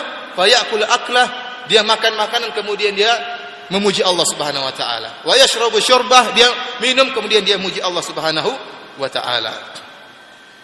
Kemudian jika, jika seorang hamba ditimpa dengan musibah, ditimpa dengan suatu kesedihan, entah ada kerabatnya yang meninggal, entah harta yang dia kumpulkan bertahun-tahun tiba-tiba sirna, hilang dicuri orang, maka dia cek apa yang dikatakan oleh imannya, kembali kepada imannya. Iman yang ingatkan dia bahwasanya semua dari si Allah Subhanahu wa taala, maka bersabarlah. Bukankah Allah Subhanahu wa taala pernah berfirman, "Wala nabluwannakum bi syai'in minal khaufi wal ju'i wa naqsin minal amwali wal anfusi wath thamarat wa sabirin." Sungguh kami akan menguji kalian dengan sedikit rasa takut, atau rasa lapar atau hilangnya harta atau hilangnya jiwa atau hilangnya sawah ladang. Fabasyiris sabirin. Ya. Dan bergembiralah. Berilah kabar gembira terhadap orang-orang yang sabar. Oleh karena itu sungguhnya dalam segala hal kondisi seorang muslim dalam segala hal dia mafza'nya tempat kembalinya adalah kepada iman maka imannya akan memberi petunjuk kepada dia dia ridho atau dia sabar ya jika ditimpa dengan musibah, imannya akan mengantarkan dia segera bersabar dengan keputusan Allah Subhanahu wa taala. Allah Subhanahu wa taala berfirman, "Ma asaba min musibatin illa biidznillah. Wa man yu'min billahi yahdi qalbah." Kata Allah Subhanahu wa taala, tidak ada suatu musibah pun yang menimpa musibah, tidak satu musibah pun yang menimpa seorang hamba kecuali dengan izin Allah Subhanahu wa taala. Barang siapa yang beriman kepada Allah, maka Allah akan beri petunjuk dalam hatinya. Seorang salah berkata, ini adalah seorang laki-laki usiba bi musibatin. Faya'lamu annahu min indillah. Fayasbir wa yusallim. Apa orang apa ayat ini tentang siapa? Tentang seorang yang dia ditimpa musibah oleh Allah Subhanahu wa taala. Kemudian dia sadar bahwasanya musibah yang menimpanya itu dari Allah Subhanahu wa taala. Keputusan Allah Subhanahu wa taala. Maka pun dia sabar dan dia pasrah. Oleh karena itu, hendaknya kita orang-orang yang beriman kembali kepada keimanan dalam segala kondisi dan dalam segala keadaan ya.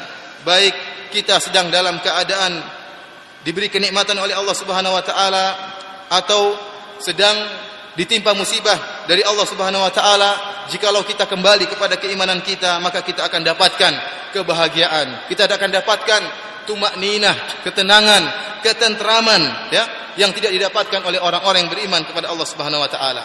Allah Subhanahu wa taala berfirman, "Alladzina amanu wa tatma'inna qulubuhum ala bi dzikrillah tatma'innul qulub." Itulah orang-orang yang beriman dan tenang hati mereka. Ingatlah bahwasanya dengan mengingat Allah hati itu akan tenang. وليحذر من وفقه الله عز وجل ومن عليه بهذه المعاني من إيمان وعمل صالح وصبر وشكر إلى غير ذلك من أمور الإيمان وتوابعه ومكملاته. إذا وفق لذلك عليه أن يعلم أن ذلك كله فضل الله عليه ومنته عليه. والله عز وجل يقول ولكن الله حبب إليكم الإيمان وزينه في قلوبكم وكره إليكم الكفر والفسوق والعصيان أولئك هم الراشدون فضلا من الله ونعمه والله عليم حكيم. ويقول سبحانه وتعالى يمنون عليك أن اسلموا قل لا تمنوا علي إسلامكم بل الله يمن عليكم أن هداكم للإيمان إن كنتم صادقين. ويقول جل وعلا ولولا فضل الله عليكم ورحمته ما زكى منكم من أحد أبدا ولكن الله يزكي من يشاء. والآيات في هذا المعنى كثيرة. فعليه أن يستحضر أن ذلك كله توفيق من الله. إذا صبر على مصاب أو شكر على نعمة أو وفق لاستغفار وتوبة أو أقبل على صلاة وعبادة أو تجنب اثما أو معصية أو نحو ذلك فعليه أن يعلم أن ذلك كله توفيق من الله. فعليه في هذا المقام أن يحذر من رؤية النفس والعجب سواء العجب بالعبادة أو العجب بالعلم.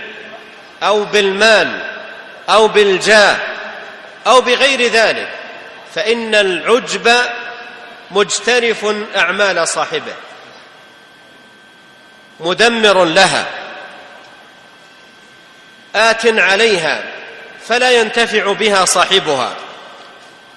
ولهذا ينبغي على الإنسان أن يحذر في هذا المقام ويستحضر دائما التوفيق والمنة والفضل والنعمة والتيسير من الله سبحانه وتعالى فيكون دائما حامدا شاكرا. ولهذا يقول العلماء رب ذنب كان سببا في دخول صاحبه الجنة ورب طاعة كانت سببا لدخول صاحبها النار. قد يوفق الإنسان لطاعة كبيرة فيعجب بنفسه. فيرى أنه أهل وأنه حقيق بذلك وأن غيره لا يستحق مثله أو غير ذلك من المعاني فيصاب بالعجب أو يصاب بالرياء أو يصاب بالسمعة أو غير ذلك فتهلك أعماله. وتبطل طاعاته. وفي الحديث من أول من يسعر بهم النار يوم القيامة رجل قرأ القرآن ليقال قارئ وجاهد ليقال مجاهد وأنفق ليقال منفق فإذا تبدلت النية وتغيرت ودخل الإنسان في مثل هذه المعاني الرياء أو السمعة أو العجب أو غير ذلك أهلكت هذه الأمور دنياه وأخراه ورب ذنب أدخل صاحبه الجنة. ورب ذنب أدخل صاحبه الجنة. بمعنى أن الإنسان يقع في الذنب فيحس إثر وقوعه بالذنب في الجرم الكبير الذي وقع فيه. فيقع في قلبه ألم وندم وأسف وتوبة وإقبال على الله وكثرة للاستغفار والرجوع إلى الله سبحانه وتعالى وفعل الصالحات والإكثار من الصدقات والإكثار من النوافل. يا رب يسأل الله جل وعلا أن يغفر أن يرحم. فيكون سببا لدخول صاحبه الجنة. ولهذا ينبه العلامة ابن القيم رحمه الله تعالى في بعض كتبه إلى هذا الملمح فيقول علامة السعادة أن تكون حسنات العبد خلف ظهره وسيئاته نصب عينيه وعلامة الشقاوة أن يجعل حسناته نصب عينيه وسيئاته خلف ظهره. وهذه مصيبة. عندما يكون الإنسان بهذه الصفة حسناته أمام عينيه تجده دائما يظهر حسناته للناس. أنا الذي فعلت كذا وأنا الذي فعلت كذا وأنا الذي قدمت كذا. وسيئاته كلها الكثيرة يجعلها خلف ظهره ولا يفكر فيها ولا يبالي. وإذا جلس عند الناس أخذ يبرز لهم حسناته وأنا فعلت كذا وأنا تصدقت بكذا. وأنا قمت بكذا. ويكون هناك حسن سيئات كثيرة عظيمة يلقيها وراء ظهره ولا يفكر في ذلك. ويكون همه أن ينال محمد محمدة الناس ولا يبالي بسخط الله سبحانه وتعالى وغضبه عليه فيكون بذلك هلاكه وشقاؤه. بينما إذا كانت سيئات الإنسان أمام عينيه وحسناته وراء ظهره حسنات انتهى انتهت عملها الإنسان يرجو ثوابها في الدار الآخرة. لكن الذي ينبغي أن يجعل نصب العينين السيئات فيتألم لوجودها ويعمل على البعد عنها فإذا كان العبد بمثل هذه الطريقة الحسنات يجعلها وراء ظهره والسيئات يجعلها أمامه فإن هذا بإذن الله تبارك وتعالى عنوان لسعادته ودليل على فلاحه Kemudian suatu nasihat yang sangat berharga bagi kita semua. Saya menjelaskan bahwasanya hendaknya kita berhati-hati. Jika salah seorang dari kita diberi taufik oleh Allah Subhanahu wa taala sehingga alhamdulillah senang untuk mengamalkan amalan soleh tatkala diberi kenikmatan bersyukur kepada Allah Subhanahu wa taala, tatkala diuji oleh Allah bersabar, tatkala melakukan kemaksiatan segera tatkala melakukan kemaksiatan segera beristighfar kepada Allah Subhanahu wa taala. Jika dia bisa melakukan ini semua, bisa menjalankan tanda-tanda kebahagiaan, ingatlah dan berhati-hatilah, ingatlah bahwasanya semua itu semata-mata karunia dari Allah Subhanahu wa taala. Semua itu semata-mata karunia dari Allah Subhanahu wa taala. Oleh karena itu Allah Subhanahu wa taala mengingatkan dalam banyak ayat bahwasanya keimanan yang kita rasakan ya yang telah membuat kita bersabar tatkala ditimpa musibah, iman yang telah membuat kita bersyukur tatkala diberi kenikmatan, tatkala berdosa kita beristighfar, iman tersebut yang tanamkan dalam jiwa kita hanyalah Allah Subhanahu wa taala. Oleh karena itu Allah Subhanahu wa taala berfirman, "Walakinna Allah habbaba ilaikumul imana wa zayyanahu fi qulubikum wa karraha ilaikumul kufra wal fusuqa wal isyan." ulaika humur rasyidun fadlan min Allah wa ni'mah. Kata Allah Subhanahu wa taala, tetapi Allah lah yang telah menjadikan kalian cinta kepada keimanan. Allah lah yang telah menjadikan iman itu indah di hati-hati kalian.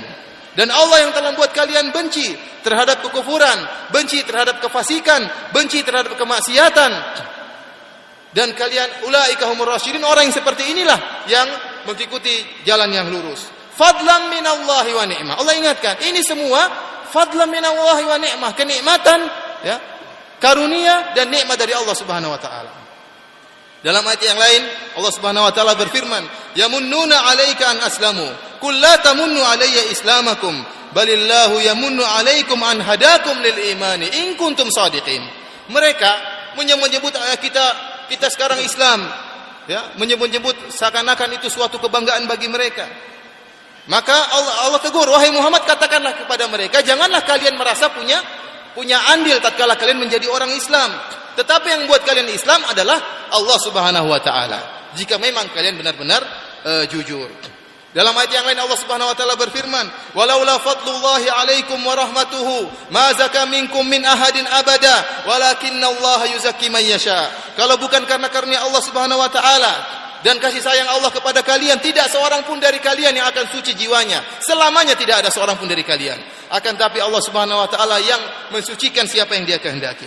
Seluruh ayat ini mengingatkan kepada kita bahwasanya taufik dari Allah Subhanahu wa taala ya tatkala seorang itu bersabar tatkala ditimpa musibah bersabar tatkala mendapat kenikmatan bersyukur tatkala berdosa kemudian beristighfar dia mampu untuk meninggalkan kemaksiatan orang-orang terjerumus dalam kemaksiatan dia bisa terhindar. Ingatlah semua itu semata-mata karunia dari Allah Subhanahu wa taala. Kalau Allah tidak menanamkan iman dalam hati kita maka tidak akan ada yang bisa selamat dari itu semua. Oleh karena itu saya mengingatkan ini nasihat yang sangat berharga bagi kita semua. Jangan sampai seorang tatkala bisa melakukan itu semua, kemudian dia menganggap dirinya saya ternyata hebat. Setiap dikena musibah sabar, setiap dikasih nikmat bersyukur, setiap berdosa beristighfar. Ternyata saya hebat. Jangan sampai dia memandang dirinya suatu yang hebat. Apakah dia dan ini penyakit ujub namanya? Ujub. Kagum dengan diri sendiri. Kagum dengan diri sendiri. Apakah ujub tersebut dalam masalah ibadah? Hebat dia, bisa rajin sholat malam. Dalam masalah ilmu, saya bisa punya ilmu, nuntut ilmu. Saya mudah menghafal. Saya kalau dakwah mudah diterima oleh masyarakat. Kalau dia sampai ujub seperti itu, menganggap dirinya hebat, menganggap dirinya wow, maka celaka dia, binasa dia. Demikian juga masalah harta. Saya alhamdulillah baru masih muda sudah punya harta banyak, kerja sedikit sudah dapat banyak uang. Lupa kalau itu semuanya dari Allah Subhanahu wa taala. Bukan karena kecerdasannya, masih banyak orang lebih cerdas daripada dia. Namun yang berikan kenikmatan adalah Allah Subhanahu wa taala. Kalau seorang sudah ditimpa dengan penyakit ujub, maka dia akan mujtarif, akan menggeret amalannya dalam sailil aron, dalam akan menjeretkan amalannya dalam kebinasaan, dalam kerusakan. Oleh karena itu ingatlah penyakit ujub adalah sesuatu yang menghancurkan, ya. Dan amalannya yang selama ini dia bangun, selama ini dilakukan akan sirna sia-sia di sisi Allah Subhanahu wa taala. Oleh karena itu, para hadirin yang dirahmati oleh Allah Subhanahu wa taala, senantiasa kita istihdar, senantiasa mengingat bahwasanya apa yang kita rasakan baik kenikmatan iman ataupun kenikmatan dunia semata-mata karunia dari Allah Subhanahu wa taala. Oleh karena sebagian ulama mengatakan rubba dzambin kana sababan lidikhulil jannah. Rubba ma, rubba dzambin kana sababan lidikhulil jannah. Betul bisa bisa jadi warubba taatin kana sababan lidikhulin nar. Kata para ulama bahwasanya bisa jadi betapa banyak ketaatan, betapa banyak ketaatan yang ternyata malah merupakan sebab menjemuruskan orang untuk masuk dalam api neraka. Betapa banyak ketaatan yang ternyata merupakan sebab yang menjuruskan orang masuk dalam dalam neraka. Dan betapa banyak dosa, perbuatan dosa maksiat ternyata merupakan sebab seorang masuk dalam surga Allah Subhanahu wa taala. Bagaimana jika seorang ternyata dia melakukan ketaatan. Dia melakukan ketaatan. Kemudian dia ditimpa dengan penyakit ujub ya. Entah ketaatan dalam ibadah, entah ketaatan dalam ilmu, entah ketaatan dalam dakwah. Kemudian ditimpa dengan penyakit ujub. Timbul dalam hatinya, saya memang berhak untuk dapat ini. Memang saya hebat. Maka pantas kalau Allah Subhanahu wa taala memberikan kenikmatan tersebut kepada saya. Kalau yang lain kurang pantas. Ketaatan yang dilakukan justru menjadi sebab dia untuk masuk neraka. Kenapa? karena dia telah terkena dengan penyakit ujub.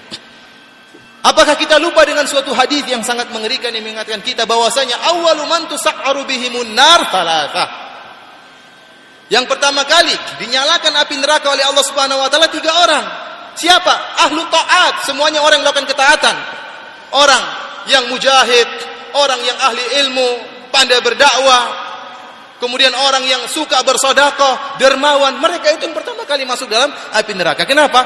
Karena mereka ditimpa dengan penyakit-penyakit hati. Baik ria, ingin pujian manusia, atau karena ujub, karena kagum dengan dirinya sendiri. Oleh karena itu para hadirin rahmati oleh Allah Subhanahu wa taala, jika niat telah berubah, ya, jika niat telah berubah yang tadinya ikhlas, kemudian tatkala melakukan ketaatan kagum dengan diri sendiri, berubah niatnya menjadi ujub, menjadi riya, maka ini akan mengantarkan seorang masuk ke dalam api neraka jahanam.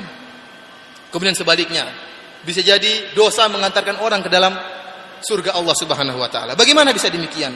Jika seorang terjerumus dalam dosa, ya, kemudian dia sadar bahwasanya ini telah melakukan kesalahan, kemudian dia pun merengek di hadapan Allah Subhanahu wa taala. Dia sadar bahwasanya kalau dosa saya dosa saya banyak, maka saya harus banyak beramal soleh agar Allah merahmati saya. Maka dia pun perbanyak ibadahnya, perbanyak amalnya. Tidak sama sekali tidak ditimpa dengan penyakit ujub. Dia rasa rendah. Kenapa saya banyak dosa? Saya rendah. Perasaan seperti ini, kemudian sikapnya yang banyak melakukan amal soleh, ya, menjadikan dia akhirnya dimasukkan oleh Allah Subhanahu wa taala dalam surga. Kenapa dia selalu takut kepada Allah Subhanahu wa taala? Oleh karena itu, sebuah kalimat indah yang disampaikan oleh Ibnu Qayyim rahimahullah dalam sebagian kitabnya. Apa kata Ibnu Qayyim rahimahullah? Perhatikan perkataan Ibnu Qayyim ini. Alamatus sa'adah an yakuna hasanatul ad khalfa dhahrihi wa sayiatuhu nusba ainaihi. Kata Imam Ibnu Qayyim rahimahullah, tanda kebahagiaan seorang. Seorang hamba bagaimana dia bahagia? Kalau dia menjadikan kebaikannya seluruhnya di belakang punggungnya, tidak pernah dia tengok-tengok. Dan dia menjadikan kemaksiatannya di hadapan matanya, selalu kelihatan di hadapan dia. Itu tanda kebahagiaan. Wa alamatus syaqawah dan alamat kesengsaraan, alamat kebinasaan, alamat kecelakaan apa itu? Antakuna sayatul abd khalfa dhahrihi. Ya. Kejelekan-kejelekan dia dia taruh di belakang. Wa hasanatu nusba ainaihi Adapun kebaikannya ditaruh di hadapan matanya. Selihat setiap hari lihat kebaikan yang pernah dia lakukan. Ini musibah ikhwani fillah azani Allah wa yakum. Ini musibah para hadirin rahmati oleh Allah Subhanahu wa taala, musibah yang benar-benar merupakan musibah yang malapetaka luar biasa.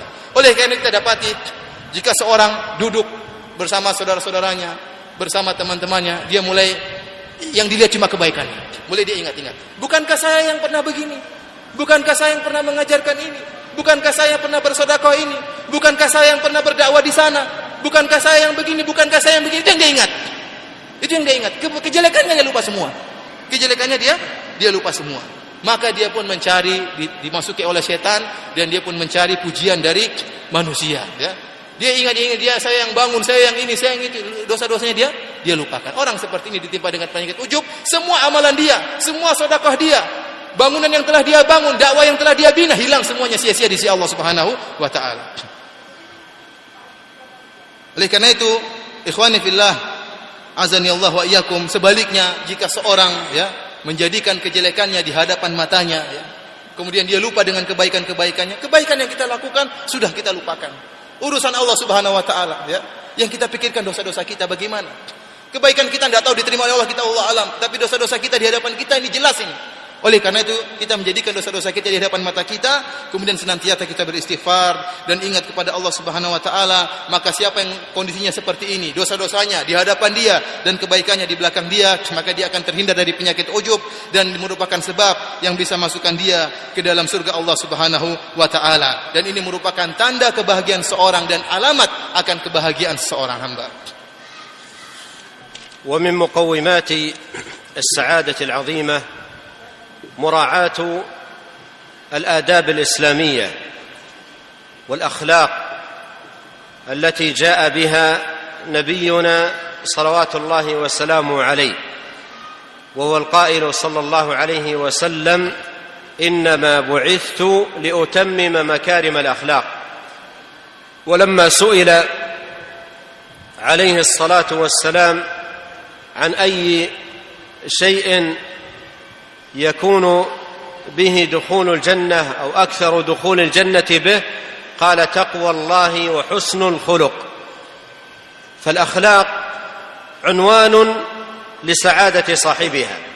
عندما يتعامل مع الناس بالأخلاق الفاضلة والآداب الكاملة بالرفق واللين واللطف والإحسان والبر و العون والمساعدة وغير ذلك والبعد عن الغضاء الفظاظة والغلظة والشدة والعنف ونحو ذلك فإنه بذلك يسعد. بينما إذا ترحلت عنه هذه الأخلاق ترحلت عنه السعادة. وشقي هو في نفسه وشقي به من حوله. يشقى به أهله وولده وجيرانه ويتأذون من وجوده. بينما إذا كان ذا خلق فاضل وآداب رفيعة ومعاملات طيبة يسعد هو في نفسه ويسعد أيضا من حوله بمعاملاته الطيبة وأخلاقه الفاضلة. أرأيت عندما تلقى شخصا خلوقا مؤدبا لطيف المعاملة طيب المعشر تجد نفسك مرتاحة. وتود لو أن الجلوس معه يطول بينما إذا لقيت شخصا فظا غليظا سبابا شتاما بذيئا فاحشا فإنك تتمنى أنك لو لم تلقه وتتمنى أن جلوسك معه لا يطول. وقد قال عليه الصلاة والسلام ليس المؤمن بالطعان ولا اللعان ولا الفاحش ولا البذيء. فإذا كان الإنسان متصفا بهذه الصفات يشقى ويؤذي من حوله ويتأذى به من حوله. ولهذا من من الأمور المهمة التي هي من مقومات السعادة أن يكون الإنسان على الأخلاق والآداب التي جاءت بها شريعة الإسلام. وهنا ملحظ في هذا الباب ينبغي التنبه له. نبه إليه أهل العلم. وهو عندما تعامل الإنسان عندما تعامل الناس بالأخلاق الفاضلة والآداب الرفيعة عاملهم بها تقربا إلى الله وطلبا لثواب الله. إنما نطعمكم لوجه الله لا نريد منكم جزاء ولا شكورا. أما إذا كان الإنسان يتصنع الأخلاق والآداب من أجل الناس من أجل الناس ليس طلبا لثواب الله سبحانه وتعالى فهذا قد يحصل له مضرات ومضرات. وذلك لأن الناس أجناس ومعادن. من الناس من تحسن إليه ويسيء لك. من الناس من تسعى لإنقاذه وهو يحفر لك. الناس أجناس وليسوا صنفا واحدا. ولهذا إذا عاملهم الإنسان بالأخلاق تقربا إلى الله لا يضره إساءة مسيء ولا يضره إنكار الجميل ولا يضره لؤم لئيم. كل ذلك لا يضره لأنه قدم ما قدم متقربا بذلك إلى الله سبحانه وتعالى. ولهذا يقول شيخ الإسلام ابن تيمية رحمه الله والسعادة في معاملة الخلق أن تعاملهم لله والسعادة في معاملة الخلق أن تعاملهم لله فترجو الله فيهم ولا ترجوهم في الله وتخافه فيهم ولا تخافهم في الله وتحسن إليه إليهم رجاء ثواب الله لا لمكافأتهم وتكف وتكف عن ظلمهم خوفا من الله لا منهم. وهذا كلام عظيم جدا. إذا وفق العبد لتطبيقه والعمل به يجد لذة هذه المعاملة ويجد ثمارها العظيمة في الدنيا والآخرة. تقدم لهم ما تقدم لا ترجو شيئا منهم وإنما ترجو من الله. وتكف عن أذاهم لا تخاف منهم وإنما تخاف من الله سبحانه وتعالى. وتحسن إليهم لا ترجو شيئا منهم وإنما ترجو من الله سبحانه وتعالى. فإذا كان الإنسان بهذا المستوى في التعامل مع الناس ذاق طعم السعادة وفاز بثمارها وآثارها في دنياه وأخراه. Para hadirin rahmati oleh Allah Subhanahu wa taala, di antara hal-hal yang mendatangkan kebahagiaan yaitu memperhatikan adab-adab Islami, akhlak yang Islami tatkala bermuamalah dengan manusia. memperhatikan bagaimana adab-adab Nabi, akhlak Nabi sallallahu alaihi wasallam tatkala bermuamalah dengan masyarakat. Bukankah Nabi kita Nabi Muhammad pernah bersabda, "Innama bu'ithtu liutammima makarimal akhlak." Sungguhnya aku diutus oleh Allah Subhanahu wa taala untuk menyempurnakan ya akhlak-akhlak yang mulia. Oleh karena tatkala Nabi sallallahu alaihi wasallam ditanya tentang apa sih yang paling berat di timbangan di akhirat kelak? Timbangan amalan yang paling memberatkan timbangan amalan itu apa? Timbangan kebaikan. Maka Nabi sallallahu alaihi wasallam menjawab, taqwallah wa husnul khuluq, yaitu bertakwa kepada Allah dan akhlak yang mulia. Itu berat sekali timbangannya di sisi Allah Subhanahu wa taala. Oleh karena itu akhlak yang mulia merupakan tanda kebahagiaan. Orang yang memiliki akhlak yang mulia jelas dia orang berbahagia. Orang berbahagia. Dia berakhlak mulia, dia berhatinya tenang, dia berbahagia. Oleh karena itu, jika dia bermuamalah dengan orang lain, berbicara dengan saudaranya, ya, maka dia berbicara dengan kalimat yang lembut, dengan kalimat-kalimat yang indah yang menyenangkan hati seorang. Dia berusaha untuk menolong orang lain, ya, selalu ingin membantu orang lain dan dia menjauhkan dirinya dari perkataan yang keras, perkataan yang kotor, ya, perkataan yang menyakitkan hati orang lain. Dia berusaha menjauhkan lisannya dari perkataan-perkataan seperti itu yang bisa menyakiti hati saudaranya. Jika seorang ya terlepas darinya akhlak yang mulia, jauh dari akhlak yang mulia, mulutnya kotor, maunya ditolong tidak mau tolong orang lain, sombong tidak mau bantu orang lain, tidak mau mengalah sama orang lain, suka melaknat orang lain, suka maki orang lain, menyakiti hati orang lain, hilang dari dia akhlak yang mulia, ketahuilah orang ini tidak berbahagia. Orang ini sengsara sebenarnya. Orang ini sengsara, makanya keluarnya seperti itu.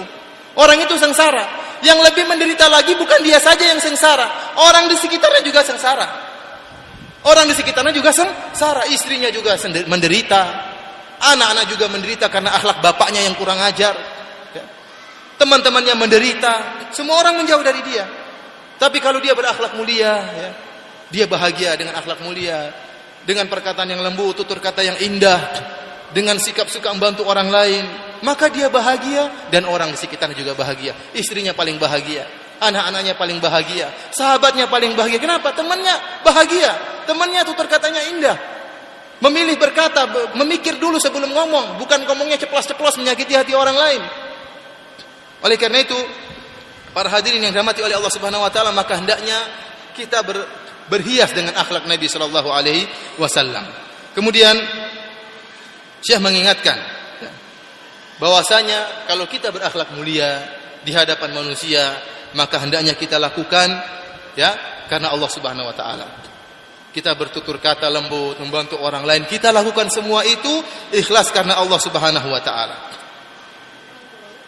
Karena barang siapa ya tidak melakukan demikian karena Allah Subhanahu wa taala, maka dia akan menderita. Maka dia akan menderita.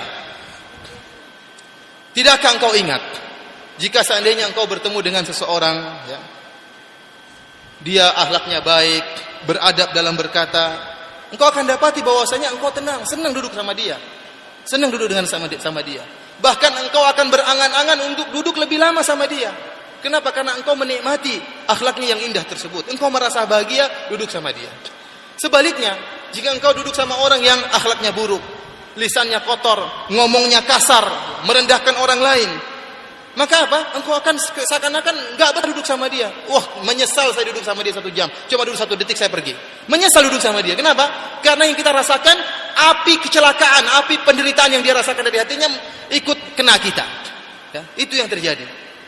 Oleh karena itu uh, Rasulullah SAW pernah bersabda, "Laisal mu'min bi ta'an walal la'an walal fahish walal badhi." Bukanlah seorang beriman orang yang lisannya suka mencela, suka melaknat, berkata-kata kotor, berkata-kata buruk itu bukan sifat orang mukmin.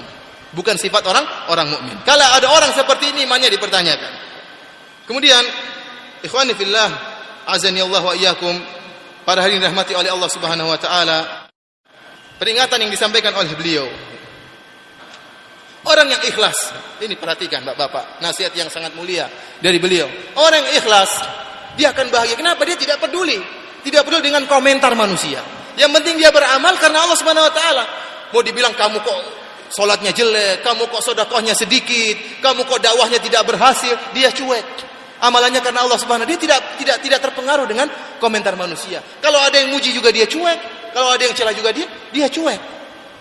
Adapun orang yang dia beramal karena manusia, ya, dia akan sedih, penderitaan. Kenapa? Karena orang kalau tidak puji dia, ya, dia akan menderita. Kapan saya dipuji? Akan menderita. Ternyata orang itu tidak muji, malah mencela, semakin menderita lagi. Kalaupun dipuji dia masih nunggu-nunggu, kapan saya dipuji lagi? Menderita dan penderitaan terus. Kenapa? Karena dia memperhatikan komentar manusia. Oleh karena tatkala kita berakhlak mulia, ingatlah kita amalkan karena Allah Subhanahu wa taala. Ada sebuah perkataan Syekhul Islam yang sangat indah ya, yang merupakan nasihat yang sangat berharga di mana Syekhul Islam Ibnu Taimiyah rahimahullah pernah berkata, "Was-sa'adatu fi muamalatil khalqi an tu'amilahum lillah fatarjullaha fihim wala tarjuhum fillah.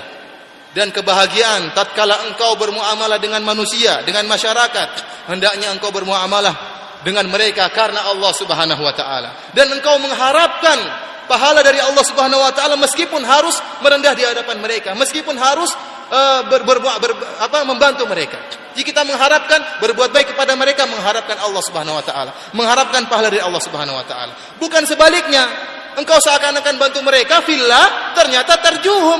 Engkau menginginkan sesuatu, ada udang di balik batu. Berbuat baik, senyum-senyum, ya, menceritakan ah, dakwahnya ternyata ada udang di balik batu. Ini tidak disukai oleh Syekhul Islam Ibnu Taimiyah dan tidak disukai oleh Allah Subhanahu wa taala. Wa takhafuhu fihim wa la takhafuhum fillah. Engkau tatkala bermuamalah dengan manusia yang lain, ya, hendaknya engkau takut kepada Allah. Tatkala bermualah takut jangan sampai berbuat keburukan sama orang lain. Kenapa? Karena Allah takut kepada Allah. Bukan sebaliknya ya. Justru takut kepada manusia dan melanggar perintah Allah Subhanahu wa taala. Wa tuhsin ilaihim raja'a thawabillah la limukafaatihim. Dan hendaknya engkau berbuat baik kepada mereka karena mengharapkan pahala Allah Subhanahu wa taala bukan mengharapkan balasan dari mereka wa takufu an dzulmihim khaufan minallahi la minhum dan hendaknya engkau uh, mencegah dirimu dari berbuat kezaliman kepada manusia ya. karena takut kepada Allah, karena takut adab Allah, karena takut siksa Allah, bukan karena takut dari cercaan mereka, bukan karena takut dari omongan mereka, tetapi karena Allah Subhanahu wa taala. Ini merupakan kalimat yang sangat indah luar biasa ya. Oleh karena itu ya, jika seorang hamba beramal melakukan akhlak yang baik karena Allah Subhanahu wa taala ya maka dia akan bahagia baik di dunia maupun di akhirat ya engkau melakukan perbuatan amalan apa saja dan tidaklah engkau berharap kecuali wajah Allah Subhanahu wa taala dan engkau tidak mengganggu orang lain dengan model gangguan apa saja tidaklah engkau melakukannya karena takut kepada adab Allah Subhanahu wa taala واختم ايها الاخوه هذا الحديث بامرين الأول ذكر أمور عظيمة ساقها ابن القيم رحمه الله تعالى في كتابه زاد المعاد.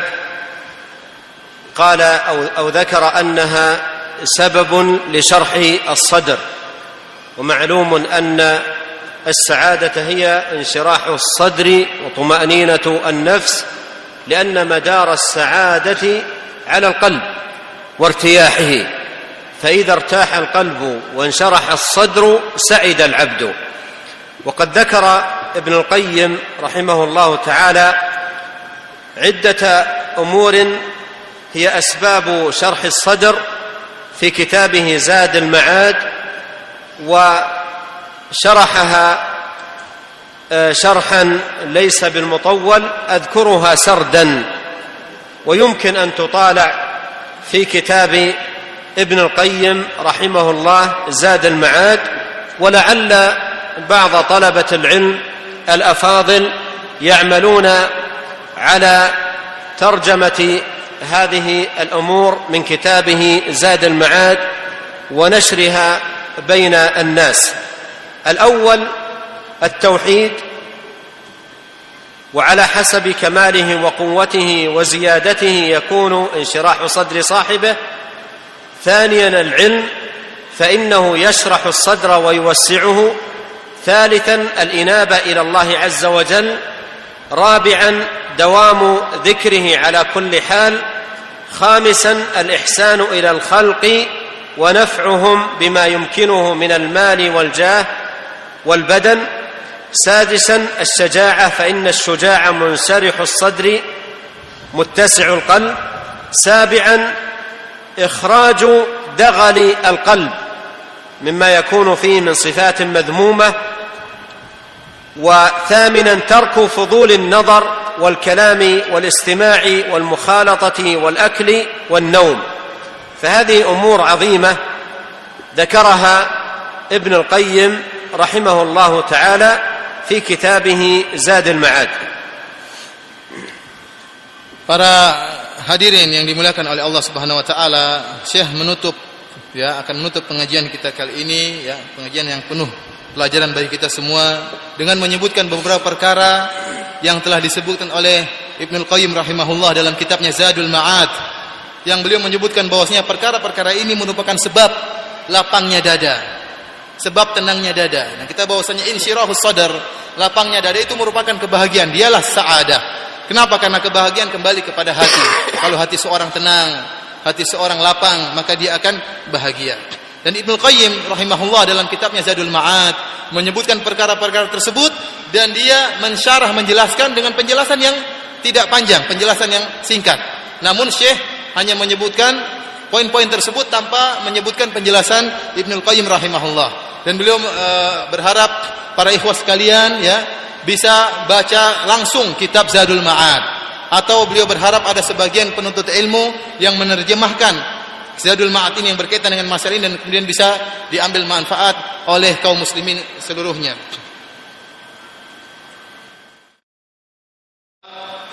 Perkara-perkara tersebut yang pertama adalah tauhid. Ini bisa mendatangkan kebahagiaan. Dan semakin kuat tauhid seorang dan semakin sempurna tauhid seorang, maka akan semakin lapang dadanya dan semakin berbahagia. Nanti penjelasannya bisa kembali kepada Zadul Ma'ad.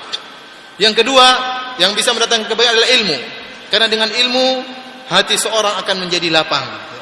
Bahkan akan bisa melapangkan ya hatinya lebih dari perkara-perkara dunia yang bisa melapangkan hatinya dengan ilmu.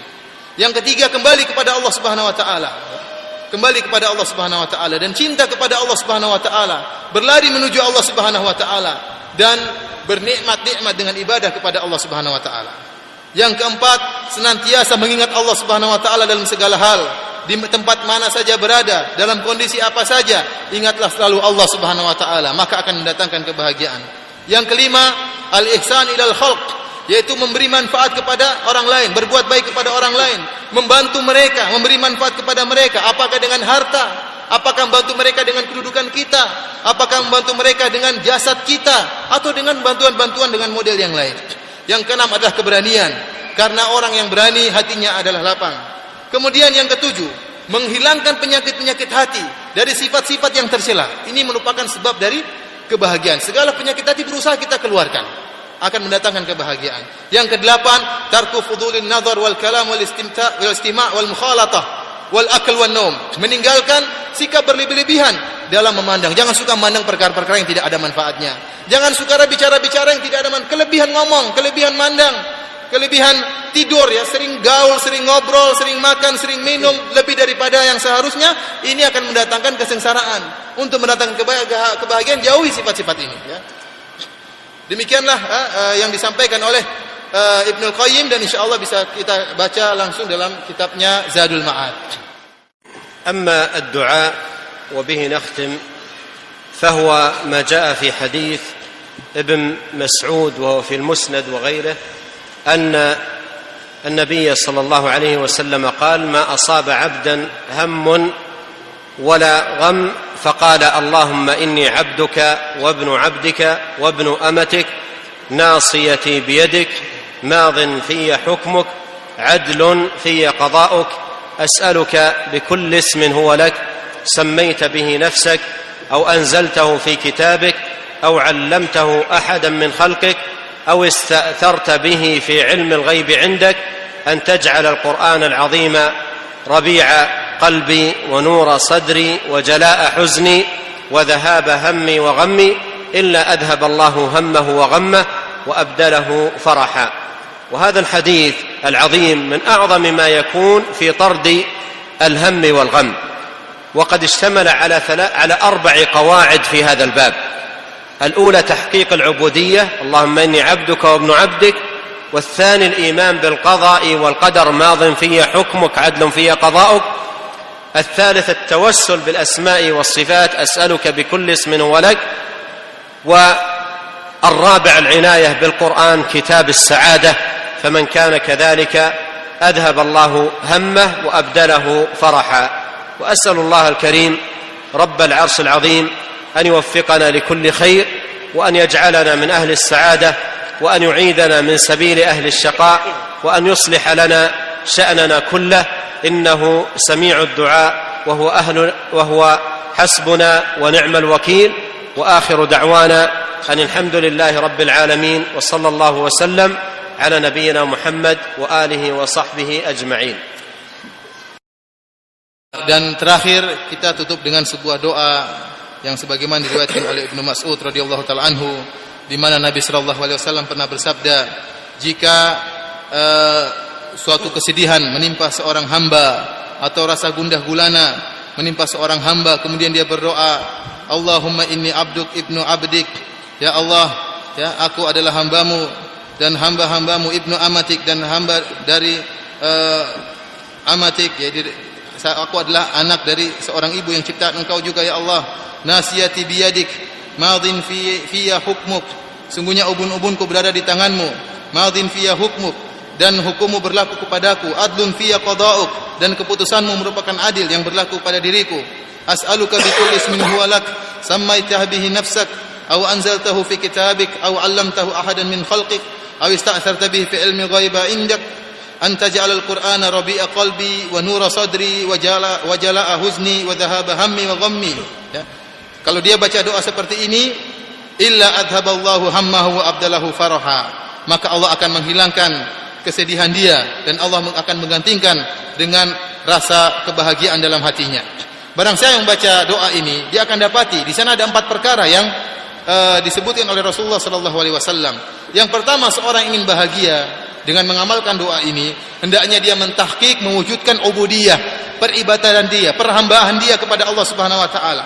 Dari sabda Nabi abduka ibnu abdika ibnu amatik ya. Saya ini hanyalah anak dari seorang hambamu. Yang hamba, itu juga anak dari hambamu dan itu juga dari anak uh, seorang wanita yang kau juga ciptakan. Jadi menunjukkan saya seorang hamba butuh kepada Allah Subhanahu wa taala. Yang kedua hadis ini mengajarkan kepada kita doa ini mengajarkan kepada kita untuk beriman kepada takdir Allah Subhanahu wa taala. Beriman dengan keputusan Allah Subhanahu wa taala. Sebagaimana dalam doa tadi kata Rasulullah madin fiyya hukmuk. Sungguhnya hukmu eh, hukum engkau ya Allah pasti berlaku kepadaku. Adlun fiyya qada'uk dan keputusanmu itu pasti adil dalam diriku. Kemudian perkara yang ketiga yaitu bertawassul dengan nama-nama Allah Subhanahu wa taala dan sifat-sifat Allah Subhanahu wa taala sebagaimana dalam tadi as'aluka bikulli ismun huwa lak sammaita bihi nafsak. Ini semua menunjukkan tawassul dengan nama-nama Allah dan sifat-sifat Allah Subhanahu wa taala. Adapun perkara yang empat yang ditunjukkan dalam hadis ini yaitu al-inayah bil Quran memberikan perhatian yang lebih terhadap Al-Quran karena Al-Quran adalah kitab sa'adah kitab yang akan mendatangkan kebahagiaan karena dalam hadis tadi Rasulullah menjelaskan bahwasanya Al-Quran itu apa? Rabi al-qulub, nurus sudur, akan menenangkan hati dan akan bericai dalam hati hati kita.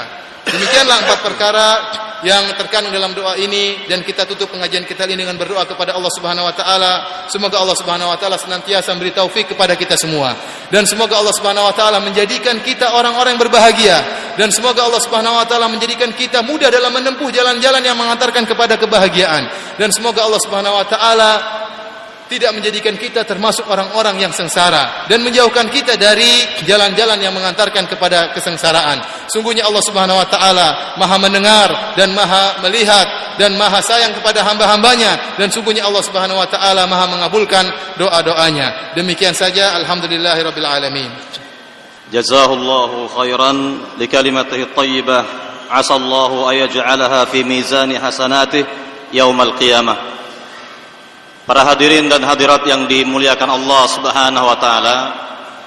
Kita melanjut kepada acara yang berikutnya adalah soal jawab yang insyaallah akan dipandu oleh Al Ustaz Firanda hafizahullah taala. Falyatafaddal mashkuran.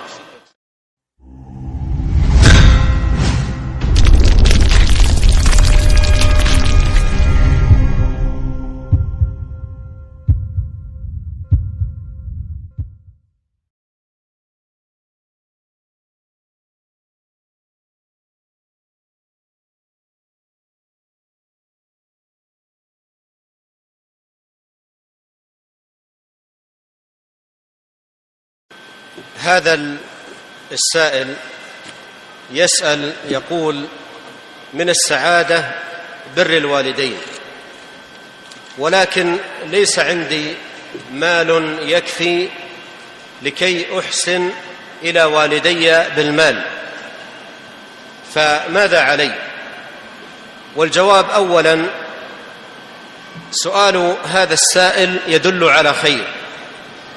ويدل, ويدل على حرص منه على بر والديه. وهذا ولله الحمد من علامات الخير. وأما ضيق ذات يده ليس عائقا عن بره بوالديه. بل يجود من الموجود ويقدم المتيسر.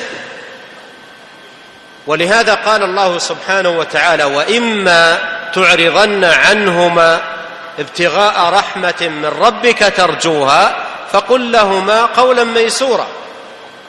يعني إذا كان ليس عندك شيء تقدمه لوالديك ولا تملك مالا تساعدهما به وهما محتاجان إلى المال فقل لهما قولا ميسورا. قل لهما إن شاء الله أجد عمل وأجد مالا وأقدم لكم وأنا في خدمتكم وأنا ساع في ما يكون به راحتكم يسعى قدر استطاعته ويتقي الله سبحانه وتعالى ما استطاع.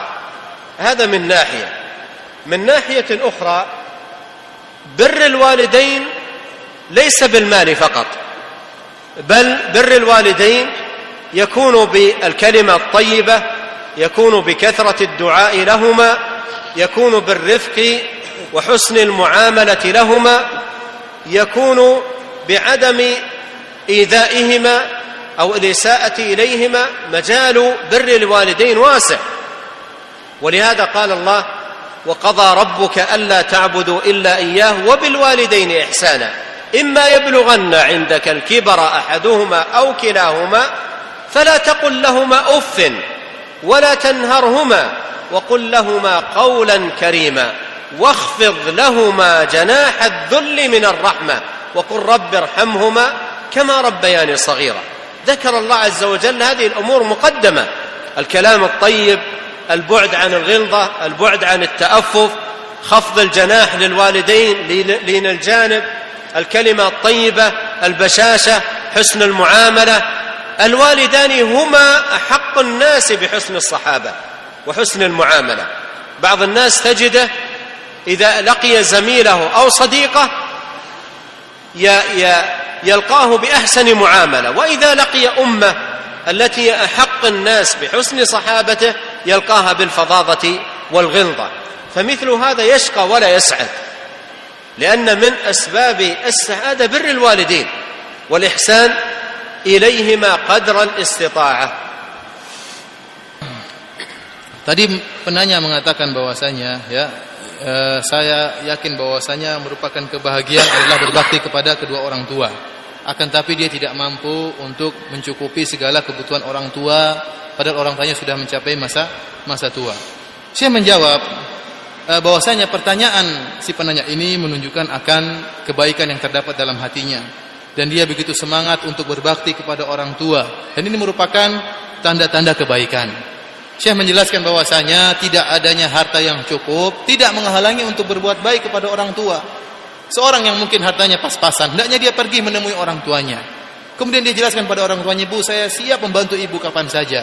Namun yang ada cuma ini." Ya. Ya, dia tunjukkan bahwasanya dia siap kapan saja saya, saya apa? Siap saya bantu baik dengan uh, kekuatan fisiknya atau dengan hartanya, tetapi dengan yang yang seadanya. Oleh karena dalam ayat disebutkan fakul lahum qaulan maisura ya. Kalau tidak mampu maka fakullahum qaulan maisura. Katakanlah kepada mereka dengan kalimat yang yang baik, kalimat yang mudah. Ya. Maka e, menyampaikan kepada dia hendaknya dia menyampaikan kepada orang tuanya, saya siap bantu Bu, saya siap bantu ya Bapak, tapi dengan kemampuan yang saya saya miliki. E, yang, yang kedua, yang kedua ini dari satu sisi, sisi yang lain saya menjelaskan bahwasanya birrul walidain membantu kedua orang tua itu tidak hanya terbatas pada harta. Bukan berarti kita membantu orang tuanya dengan harta. Ya, memang benar membantu orang tua dengan harta suatu perkara yang sangat baik. Akan tapi bukan cuma dengan itu, bahkan dengan bertutur kata yang baik, kemudian husnul muamalah, bermuamalah yang baik, ya. Kemudian menyenangkan hatinya dengan kelembutan. Ini semua adalah bentuk berbakti kepada orang tua. Bahkan perkara-perkara ini disebutkan dalam Al-Qur'an. Allah Subhanahu wa taala berfirman, "Wa qada rabbuka alla ta'budu illa iyyah wa bil walidaini ihsana." Ya. Sungguhnya ya Rabbmu telah memutuskan bahwasanya tidak ada yang berhak untuk disembah kecuali Allah Subhanahu wa taala. Wa bil walidaini ihsanan hendaknya kalian benar-benar berbuat baik semaksimal mungkin kepada kedua orang tua kalian. Imma yablughanna indakal kibara ahaduhuma aw kilahuma fala taqul lahumu uffin wala tanharhuma wa qul qawlan karima. Dan jika kedua orang tua kalian sudah mencapai masa tua, salah satunya atau kedua-duanya di sisi engkau, tinggal bersama engkau, ya, bersama engkau, fala taqul uffin, maka jangan mengatakan cih, jangan mengatakan ah, wala tanharhuma apalagi membentak mereka. Wa qul lahumu qawlan karima, tapi katakanlah kepada mereka dengan kalimat yang yang baik. Wakhfid lahumu janaha dhulli minar rahmah. Bahkan dengan apa? Merendahkan diri tawaduk merendahkan diri di hadapan kedua orang tua. Jangan sombong jangan congkak di hadapan orang tua. Jangan mentang-mentang di hadapan orang tua. Lihat Allah Subhanahu wa taala menyebutkan perkara-perkara ini ini tidak berkaitan dengan harta. Tidak kaitan dengan harta tapi berkaitan dengan akhlak yang mulia. Tidak boleh ta'affuf tidak boleh mengatakan ah kemudian berkata bertutur kata yang lembut kemudian merendahkan diri di hadapan kedua orang tua ya. Namun yang kita sayangkan sebagian orang kita dapati kalau ketemu temannya kalau ketemu ustadznya barangkali mungkin muamalahnya baik sekali, jaga sekali perkataannya, ya. Tapi kalau ketemu ibunya, dicuekin ibunya. Ya, ini tentunya alamat orang yang celaka kata Syekh, bukan orang yang bahagia seperti ini.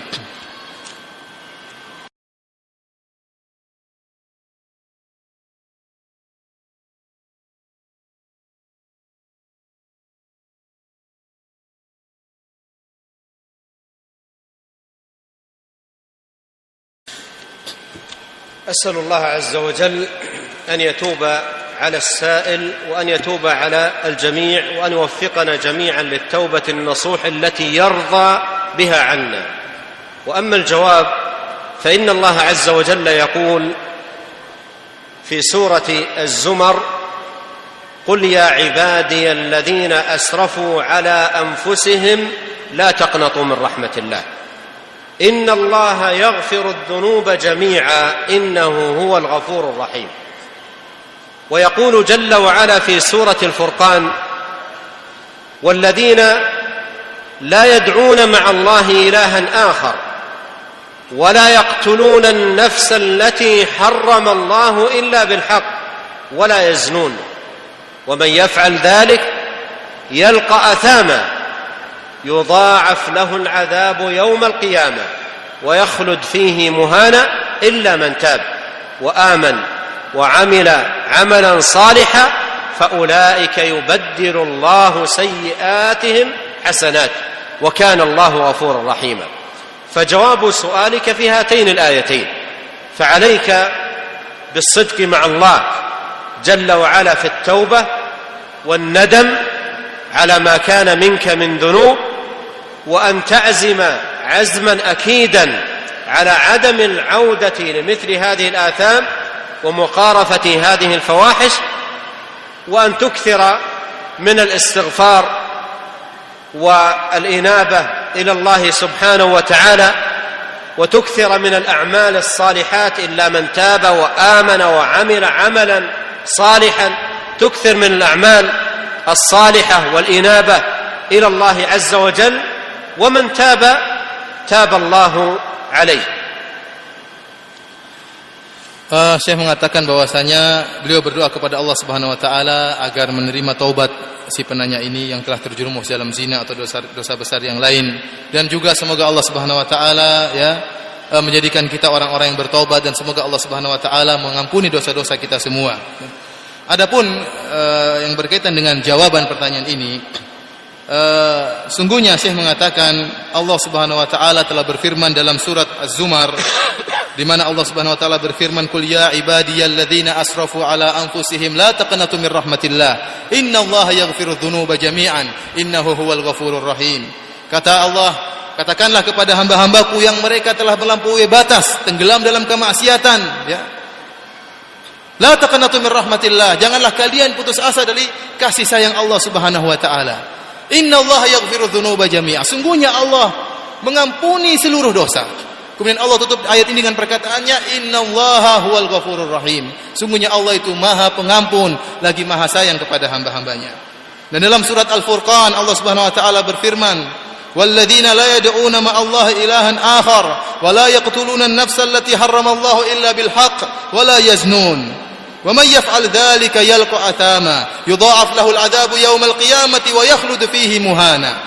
Illa man taba wa amana wa amila amalan saliha kata Allah Subhanahu wa taala dan orang-orang yang mereka tidak berbuat kesyirikan tidak berdoa kepada selain Allah dan orang-orang yang tidak membunuh seorang yang tidak berhak untuk dibunuh dan seorang yang telah melakukan zina orang-orang melakukan zina. Kalau mereka melakukan itu apa kata Allah? Yalqa azama, akan mendapatkan dosa dan dia akan dilipat apa dibesarkan di, dikeraskan adab kepada mereka dan akan dilemparkan dalam neraka jahanam. Namun barang siapa yang bertobat kata Allah illa man taba, kecuali orang yang bertobat. Yang berbuat syirik, yang bunuh orang lain, yang berbuat zina kalau bertobat illa man taba bertobat. Kemudian apa? Wa amila amalan salih, beriman kemudian beramal saleh. Maka itulah orang-orang Allah akan merubah kejelekan-kejelekan mereka menjadi kebaikan-kebaikan. Jawaban terhadap pertanyaan ini pada dua ayat ini dalam surat Az-Zumar dan dalam surat Al-Furqan. Dalam kedua ayat ini Allah menunjukkan hendaknya kita segera memperbaiki taubah, memperbarui taubat kita. Dan kita berazam tidak akan kembali lagi kepada dosa-dosa besar yang pernah kita lakukan. Dan kita memperbanyak istighfar kepada Allah Subhanahu wa taala. Dan jangan lupa untuk perbanyak amalan soleh karena Allah mengatakan illa man taba wa amana wa amila amalan soleh kecuali orang yang bertobat dan beriman dan melakukan amalan-amalan soleh.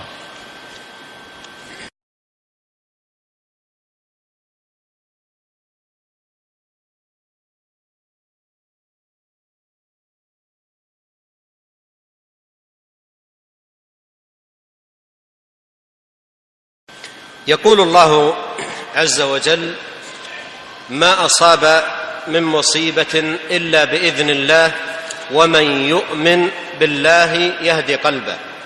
قال علقمة من السلف رحمه الله تعالى هو المؤمن تصيبه المصيبة فيعلم أنها من عند الله فيرضى ويسلم.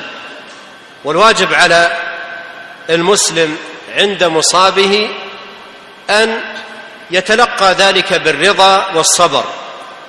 وهذا الذي تذكر أنك أصبت به وهو المرض الذي في القلب وأنك تجري لذلك عملية جراحية غدا. اولا تقابل ذلك بالرضا والصبر وأيضا تقابل ذلك بالرجاء والأمل. من الله سبحانه وتعالى أن يمن عليك بالشفاء لأن الشفاء بيده.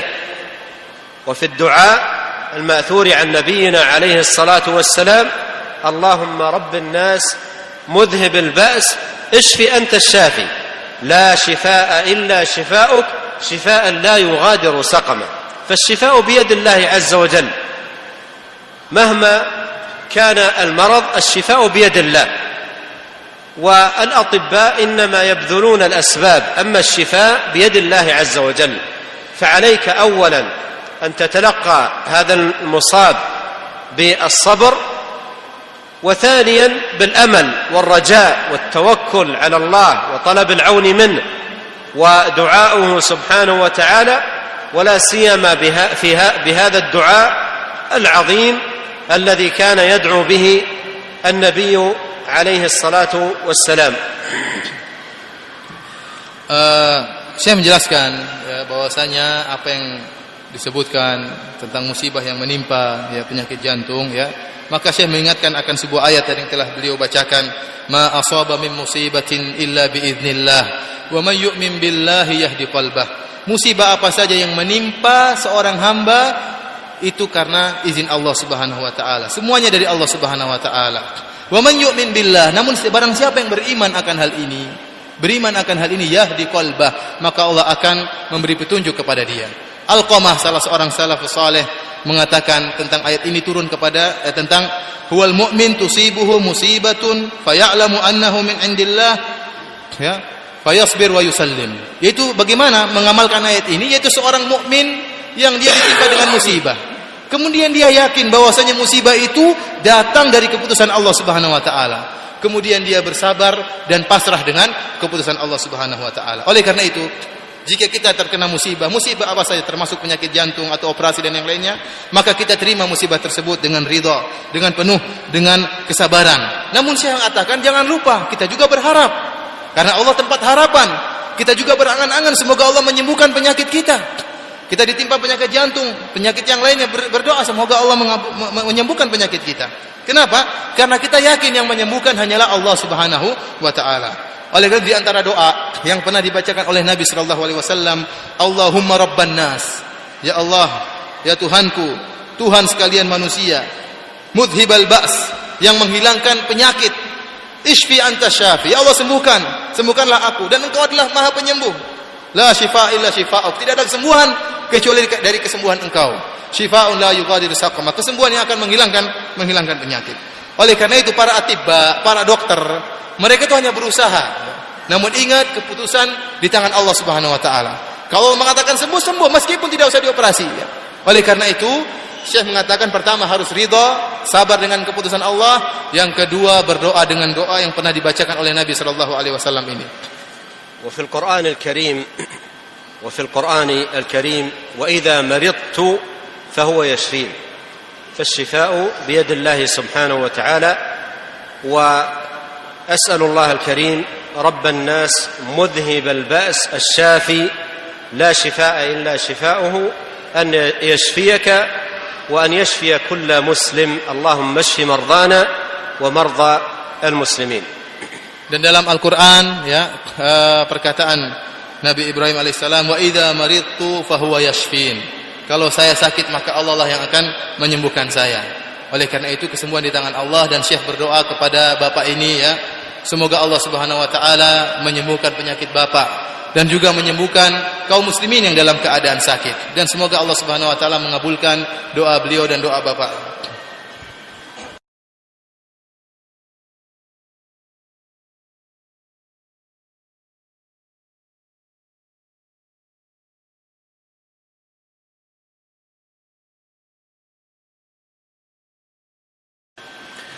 الرياء نوعان. منه ما هو شرك أكبر ناقل من الملة ومنه ما هو شرك أصغر. والرياء الذي هو شرك أكبر الرياء الخالص.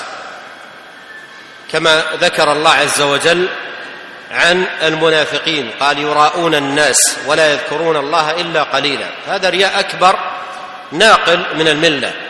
وهو أن تكون أعمال الإنسان الظاهرة لا يبتغي بها اطلاقا وجه الله سبحانه وتعالى وإنما يقوم بها رئاء الناس وتظاهرا أمامهم. أما في الباطن فهو خراب ليس فيه نية صالحة أو ابتغاء لوجه الله سبحانه وتعالى بالعمل.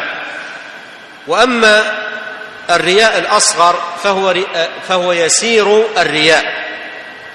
مثل ما جاء في الحديث أخوف ما أخاف عليكم الشرك فسئل عنه فقال الرياء. قال يقوم الرجل فيصلي فيزين صلاته لما يرى من نظر الرجل. فهذا من الشرك الأصغر. إذا كان الإنسان يقصد ربه سبحانه وتعالى بأعماله لكن يدخل عليه في بعض الأعمال أو في عدد من الأعمال شيء من المراءات كأن يزين العمل من أجل الناس أو يحسنه أو نحو ذلك. فهذا من الشرك الأصغر. وعرفنا أن الشرك الأكبر أن الرياء الأكبر مبطل للعمل كله. وأما الشرك الأصغر الذي هو الذي منه الرياء الأصغر فإنه مبطل للعمل الذي قارفه لأن الله سبحانه وتعالى لا يقبل من العمل إلا ما كان خالصا لوجهه. وأما ما ذكره السائل أن الشيطان يأتيه ويوسوس له في بعض الأوقات ويقول له أنت الآن تقوم بالعمل رياء فيدعوه إلى ترك العمل فطاعة الشيطان في كل حال غير جائزة.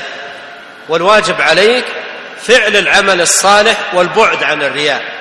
لا أن تترك العمل الصالح طاعة للشيطان في ادعائه أنك قصدت به الرياء. وهذا مدخل من مداخل الشيطان على بعض الناس لإبعادهم عن الأعمال الصالحة. إذا أراد أن يتصدق قال له لا لا تتصدق. لأنك إن تصدقت تكون مرائي. وإذا أراد أن يصلي ركعتين لله عز وجل قال لا لا تصلي. لأنك إن صليت ستكون مرائي. وإذا أراد أن يقرأ شيئا من القرآن منعه. وإذا أراد أن يجلس في حلقة علم منعه وهكذا حتى يحرمه من الخير. فالواجب في مثل هذا البعد عن وساوس الشيطان والإقبال على الأعمال الصالحة بالنية الصالحة وقصد التقرب إلى الله وحده Uh, Syekh menjelaskan bahwasanya ria itu ada dua model. Ada ria yang syirik akbar, syirik besar yang mengeluarkan seorang dari Islam, dan ada ria yang merupakan syirik kecil, syirik asgar. Ria yang merupakan syirik akbar yang mengeluarkan seorang dari Islam, sebagaimana riaknya orang-orang munafik yang Allah sebutkan dalam Al-Quran, yura'unan nasa wa la Allah illa qalila. Yang mereka tatkala salat, mereka bermalas-malas dan mereka hanya mencari pujian manusia supaya dilihat oleh orang bahwasanya mereka sholat padahal mereka tidak mengingat Allah kecuali hanya sedikit. Apa maksudnya? Yaitu orang-orang yang mereka beramal kelihatannya di zahirnya amal soleh, ya. Namun dalam hati mereka, dalam batin mereka sama sekali tidak ada niat yang baik. Semua amalan mereka itu benar-benar karena hanya mencari pujian manusia. Dan tidak ada sama sekali dalam hati mereka niat yang baik. Keikhlasan sedikit pun tidak tidak ada. Ini disebut dengan riaknya orang-orang munafik ya yang seluruh amalannya bukan karena Allah seluruh amalannya karena ingin mencari pujian manusia dan ini tidak diterima oleh Allah dan akan uh, mengeluarkan seorang dari Islam adapun riak yang syirik asgor uh, syirik kecil ya yang disebut oleh para ulama dengan yasirur ria yaitu riak yang ringan bukan riak berat seperti riak-riaknya orang munafik yang disebutkan dalam hadis Nabi sallallahu alaihi wasallam Nabi pernah bersabda akhwafu ma akhafu alaikum asyirkul asghar fasuila anhu qala ar-riya. Kata Rasulullah yang paling aku takutkan wahai para sahabat sahabatku akan menimpa kalian adalah syirik kecil. Tatkala ditanya apakah syirik kecil? Kata Nabi ar-riya yaitu riya. Dalam hadis yang lain Rasulullah SAW menyebutkan mencontohkan tentang riya. Bagaimana riya itu kata Rasulullah SAW yakumur rajulu fayusalli fayuzayyina salatahu lima yara min nadhari rajulin ilaihi Kata dia seorang berdiri, kemudian sholat, kemudian dia indah-indahkan sholatnya, dia panjang-panjangkan bacaannya. Kenapa? Dia tahu ada orang sedang perhatikan dia. Ini namanya ria. Adapun uh, ria yang kecil ini, yaitu apa? Seorang itu dia dasarnya niatnya baik. Ibadah yang lain dia ikhlas. Namun dalam beberapa amalan, kemasukan ria. Kemasukan ria. Kalau orangnya seperti ini kondisinya, ya dia hanya terkena riak kecil, sirik kecil, maka amalan yang hilang hanya amalan yang tercampur riak ini. Dia mungkin sholat kali ini riak, tapi waktu sedekah ikhlas, maka ikhlasnya diterima oleh Allah. Adapun riaknya tidak diterima oleh Allah Subhanahu Wa Taala karena sholatnya tercampur dengan riak. Berbeda dengan riaknya orang-orang munafik. Seluruh amalannya tidak diterima oleh Allah Subhanahu Wa Taala. Adapun yang disebutkan oleh penanya, terkadang dia sholat, kemudian datang setan, kamu jangan sholat deh, nanti kalau kamu sholat sekarang banyak orang. Kamu tuh riak nanti jangan. Riak itu berdosa. Kata saya itu tipuan setan. Itu salah satu senjata setan paling besar untuk membuat orang malas untuk beribadah ya. Dan kita tidak boleh taat kepada setan dalam keadaan apa pun tidak boleh taat kepada setan apalagi mau sholat masih taat sama setan. Seorang tatkala ingin bersodakoh datang setan. Jangan kamu bersodakoh itu banyak orang nanti kamu dibilang ria nanti kamu ria jangan mau sholat datang lagi setan jangan kamu sholat ya nanti kamu ria Mau baca Quran, datang lagi setan. Jangan, jangan, jangan baca Quran. Nanti kamu kamu riak. Mau apa saja dilarang. Setan pingin kita tidak melakukan kebaikan. Oleh karena itu yang wajib kita melawan setan. Melawan setan. Kalau setan bilang kamu sholat negeri, ya saya sholat saja. Itu saya bikin jengkel kamu, saya ingin sholat. Sholat saja dan berusaha tetap berusaha untuk ikhlas ya, berusaha untuk ikhlas dan semangat tetap beribadah dan setan jangan kita taati.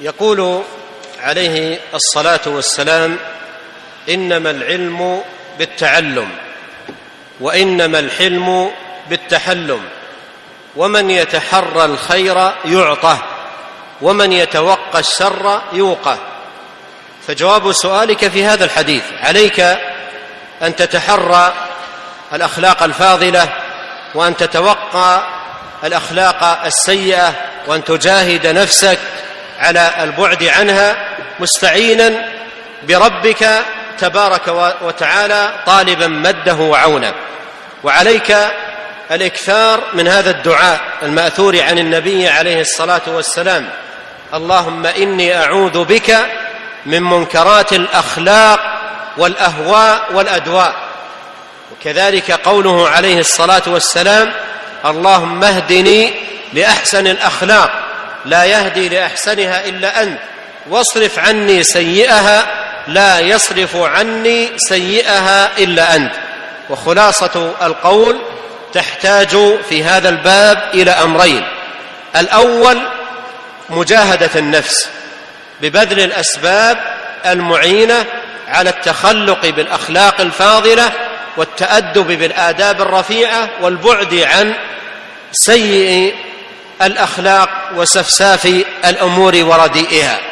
والأمر الثاني الدعاء والالتجاء إلى الله سبحانه وتعالى أن يمن عليك بالخلق الفاضل وأن يعيذك من الأخلاق الرديئة الذميمه uh, jawabannya Rasulullah sallallahu alaihi wasallam pernah bersabda dalam sebuah hadis innamal ilmu bitta'allum. Bittahallum wa man yataharral khair yu'tah. Wa man yatawaqqa syarr yuqah kata Rasulullah sallam sungguhnya ilmu itu diperoleh dengan belajar. Ilmu diperoleh dengan cara mencari ilmu. Kemudian sikap hilm ya sikap sabar dengan sikap bijak itu diperoleh dengan berusaha mempelajari sikap tersebut. Berusaha untuk menerapkan sikap tersebut berusaha baru dikasih oleh Allah Subhanahu wa taala. Barang siapa yang berusaha mendapatkan kebaikan akan Allah berikan. Dan barang siapa yang berusaha terhindar dari kejelekan akan Allah hindarkan dari kejelekan tersebut. Oleh karena itu saya mengatakan hendaknya si penanya bersungguh-sungguh ya, semaksimal mungkin untuk terbiasa dengan akhlak yang baik. Karena harus berusaha kalau sudah berusaha baru Allah kasih, berusaha untuk bertutur kata, bertutur kata yang lembut, berusaha untuk bermanis muka di hadapan saudara, senyum, berusaha untuk tidak mengucapkan kata-kata yang kasar, menjauhkan diri dari perkataan kotor, perkataan ceplas-ceplos, jauhi dan berusaha dan Allah akan berikan kepada kepada dia kalau memang dia berusaha. Kemudian yang kedua, berdoa kepada Allah. Karena Allah yang bisa merubah seseorang dari buruk menjadi baik, akhlak buruk menjadi akhlak baik yang rubahnya lah Allah Subhanahu wa taala. Maka hendaknya dia berdoa dengan doa-doa yang pernah diajarkan oleh Nabi. Di antaranya doa Nabi Allahumma inni a'udzubika min munkaratil akhlak ya. Ya Allah, aku berlindung kepada Engkau dari akhlak-akhlak yang jelek.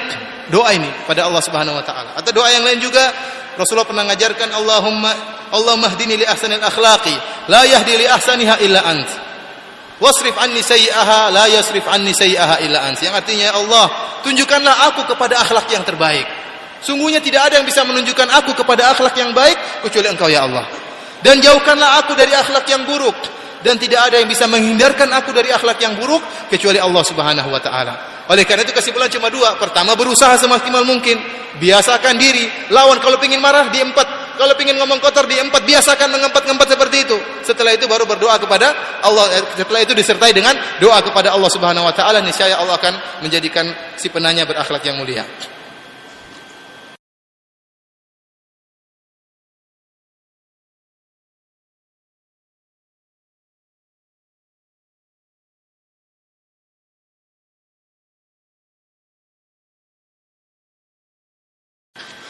هذا السؤال يدل على خير عظيم.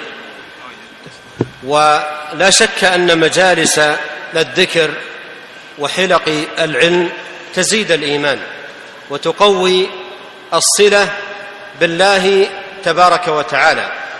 وقد جاء في الحديث أن أبا بكر رضي الله عنه لقي حنظلة رضي الله عنه فقال له كيف أصبحت يا حنظلة؟ قال نافق حنظلة. قال وما ذاك؟ قال إذا كنا عند رسول الله صلى الله عليه وسلم وذكرنا بالجنة والنار كانت رأي العين. وإذا عافسنا الضيعة والولدان غفلنا ونسينا. فانطلق به أبو بكر رضي الله عنه إلى النبي عليه الصلاة والسلام. فذكر له الأمر فقال عليه الصلاة والسلام لو لو تدومون على ما أنتم عليه عندي لصافحتكم الملائكة في سكك المدينة ولكن ساعة وساعة. فالشاهد أن المسلم يحتاج فعلا إلى مثل إلى مجالس الذكر وحلق العلم والارتباط بالمساجد وسماع المواعظ والمذكرات حتى تزول الغفلة خاصة إذا كان المكان الذي هو فيه تكثر فيه الفتن فيحتاج إلى زاد إيماني ووعظ يقوي إيمانه فيحتاج إلى مجالس العلم إلى سماع الخير إلى سماع المحاضرات إلى قراءة القرآن إلى الجلوس في المساجد فهذه الأمور بإذن الله سبحانه وتعالى تكون عونا للعبد للسلامة والأمنة من ذلك. وعليك بالمحافظة على الصلاة والتبكير لها في المساجد. وإذا فرغت لا تسارع بالخروج بل عليك بذكر الله سبحانه وتعالى. فإن ذلك من أعظم ما يبعد الإنسان عن الفواحش والمنكرات. كما قال الله تعالى إن الصلاة تنهى عن الفحشاء والمنكر ولذكر الله أكبر. فيعتني الإنسان بذلك يعتني بالصلاة يعتني بمجالس العلم يعتني بمجالسة الأخيار يجاهد نفسه على البعد عن مجالس الشر والآثام فلا يزال بخير ما دام مجاهدا لنفسه. والله تعالى يقول والذين جاهدوا فينا لنهدينهم سبلنا وان الله لمع المحسنين Uh, saya menjelaskan bahwasanya tidak diragukan lagi bahwasanya hilaqut dzikr, majelis-majelis ilmu, ya, pengajian-pengajian itu merupakan uh, taman-taman uh, kebahagiaan ya. Tentunya uh, orang yang uh, menghadiri pengajian-pengajian maka dia akan mendapatkan kebahagiaan. Dalam suatu hadis suatu saat pernah Abu Hurairah radhiyallahu taala anhu bertemu dengan sahabat Hamdalah maka Abu Hurairah berkata, "Kaifa asbahta ya Hamdalah? Bagaimana kamu kondisimu pagi ini wahai Hamdalah?" Kata Hamdalah, "Nafaqa Hamdalah." Sungguhnya Hamdalah telah berbuat kemunafikan. Kata Abu Hurairah, "Wa madza? Kenapa memangnya?" Kata dia, "Kalau kita sedang bersama dengan Nabi," kata Hamdalah, "kita bersama sedang sedang bersama dengan Nabi, kemudian Nabi menyebutkan tentang jannah, tentang neraka, ka'annahu ra'yal ain. Seakan-akan kami lihat betul surga dan neraka di hadapan kami, tambah keimanan." Tapi kalau sudah pulang ke rumah, ketemu anak-anak, kerja sibuk, lupa semuanya. Nasina. Itu yang disebut dengan handola dengan sifat kemunafikan. Maka Abu Hurairah pun mendengar perkataan ini merasa merasa besar perkataan ini. Maka dia pun menemui Rasulullah sallallahu alaihi wasallam menyampaikan tentang apa yang telah diucapkan oleh sahabat Hamdalah. Maka Rasulullah SAW mengatakan, "Lau tadumuna ilayya." Kalau seandainya kalian semua selalu bersama saya, indi La safahatil malaikatu ala sikakil Madinah. Kalau seandainya kalian terus bersama saya, malaikat akan turun beri salam sama kalian di jalan-jalan di kota Madinah. Akan tapi walakin saatan saatan saatan. Akan tapi ya terkadang terkadang tidak terus-terusan. Karena manusia ini banyak kesibukan ya. Oleh karena itu, saya mengingatkan, kita kalau ikut pengajian bertambah iman. Oleh karena itu sering-sering ikut pengajian, terutama kita tinggal di luar tempat yang banyak fitnahnya. Siapa yang lebih banyak fitnahnya Jakarta atau selain Jakarta? Paling banyak fitnahnya di mana? Kita tinggal di tempat yang banyak fitnahnya, lalu itu harus tambah zat, harus tambah bekal yang lebih banyak. Baca banyak baca Quran, banyak ikut pengajian, banyak uh, baca tafsir Quran. Pokoknya hal-hal yang bisa mendatangkan keimanan kita perbanyak sebagai modal kita untuk berhadapan dengan fitnah yang ada. Kemudian kata saya jangan lupa untuk perhatian terhadap sholat. Bukan sekedar sholat, tetapi jadilah orang yang kalau azan langsung sudah di masjid. Segera pergi ke masjid untuk melaksanakan sholat. Kemudian jangan jadi orang pertama keluar dari masjid. Ada orang assalamualaikum keluar dari masjid. Nah, di masjid setelah azan orang keluar zikir, biar orang keluar zikir berdoa. Karena itu zikir itu ingat Allah, subhanallah, Allahu akbar itu benar-benar mengingatkan kita kepada Allah, nikmat dari Allah Subhanahu wa taala. Dan ini merupakan sarana terbesar untuk bisa menjaga kita dari fitnah yang ada. Karena Allah Subhanahu wa taala berfirman, "Inna salata tanha 'anil fahsya'i wal munkar." Sungguhnya salat itu mencegah dari perbuatan kekejian dan kemungkaran.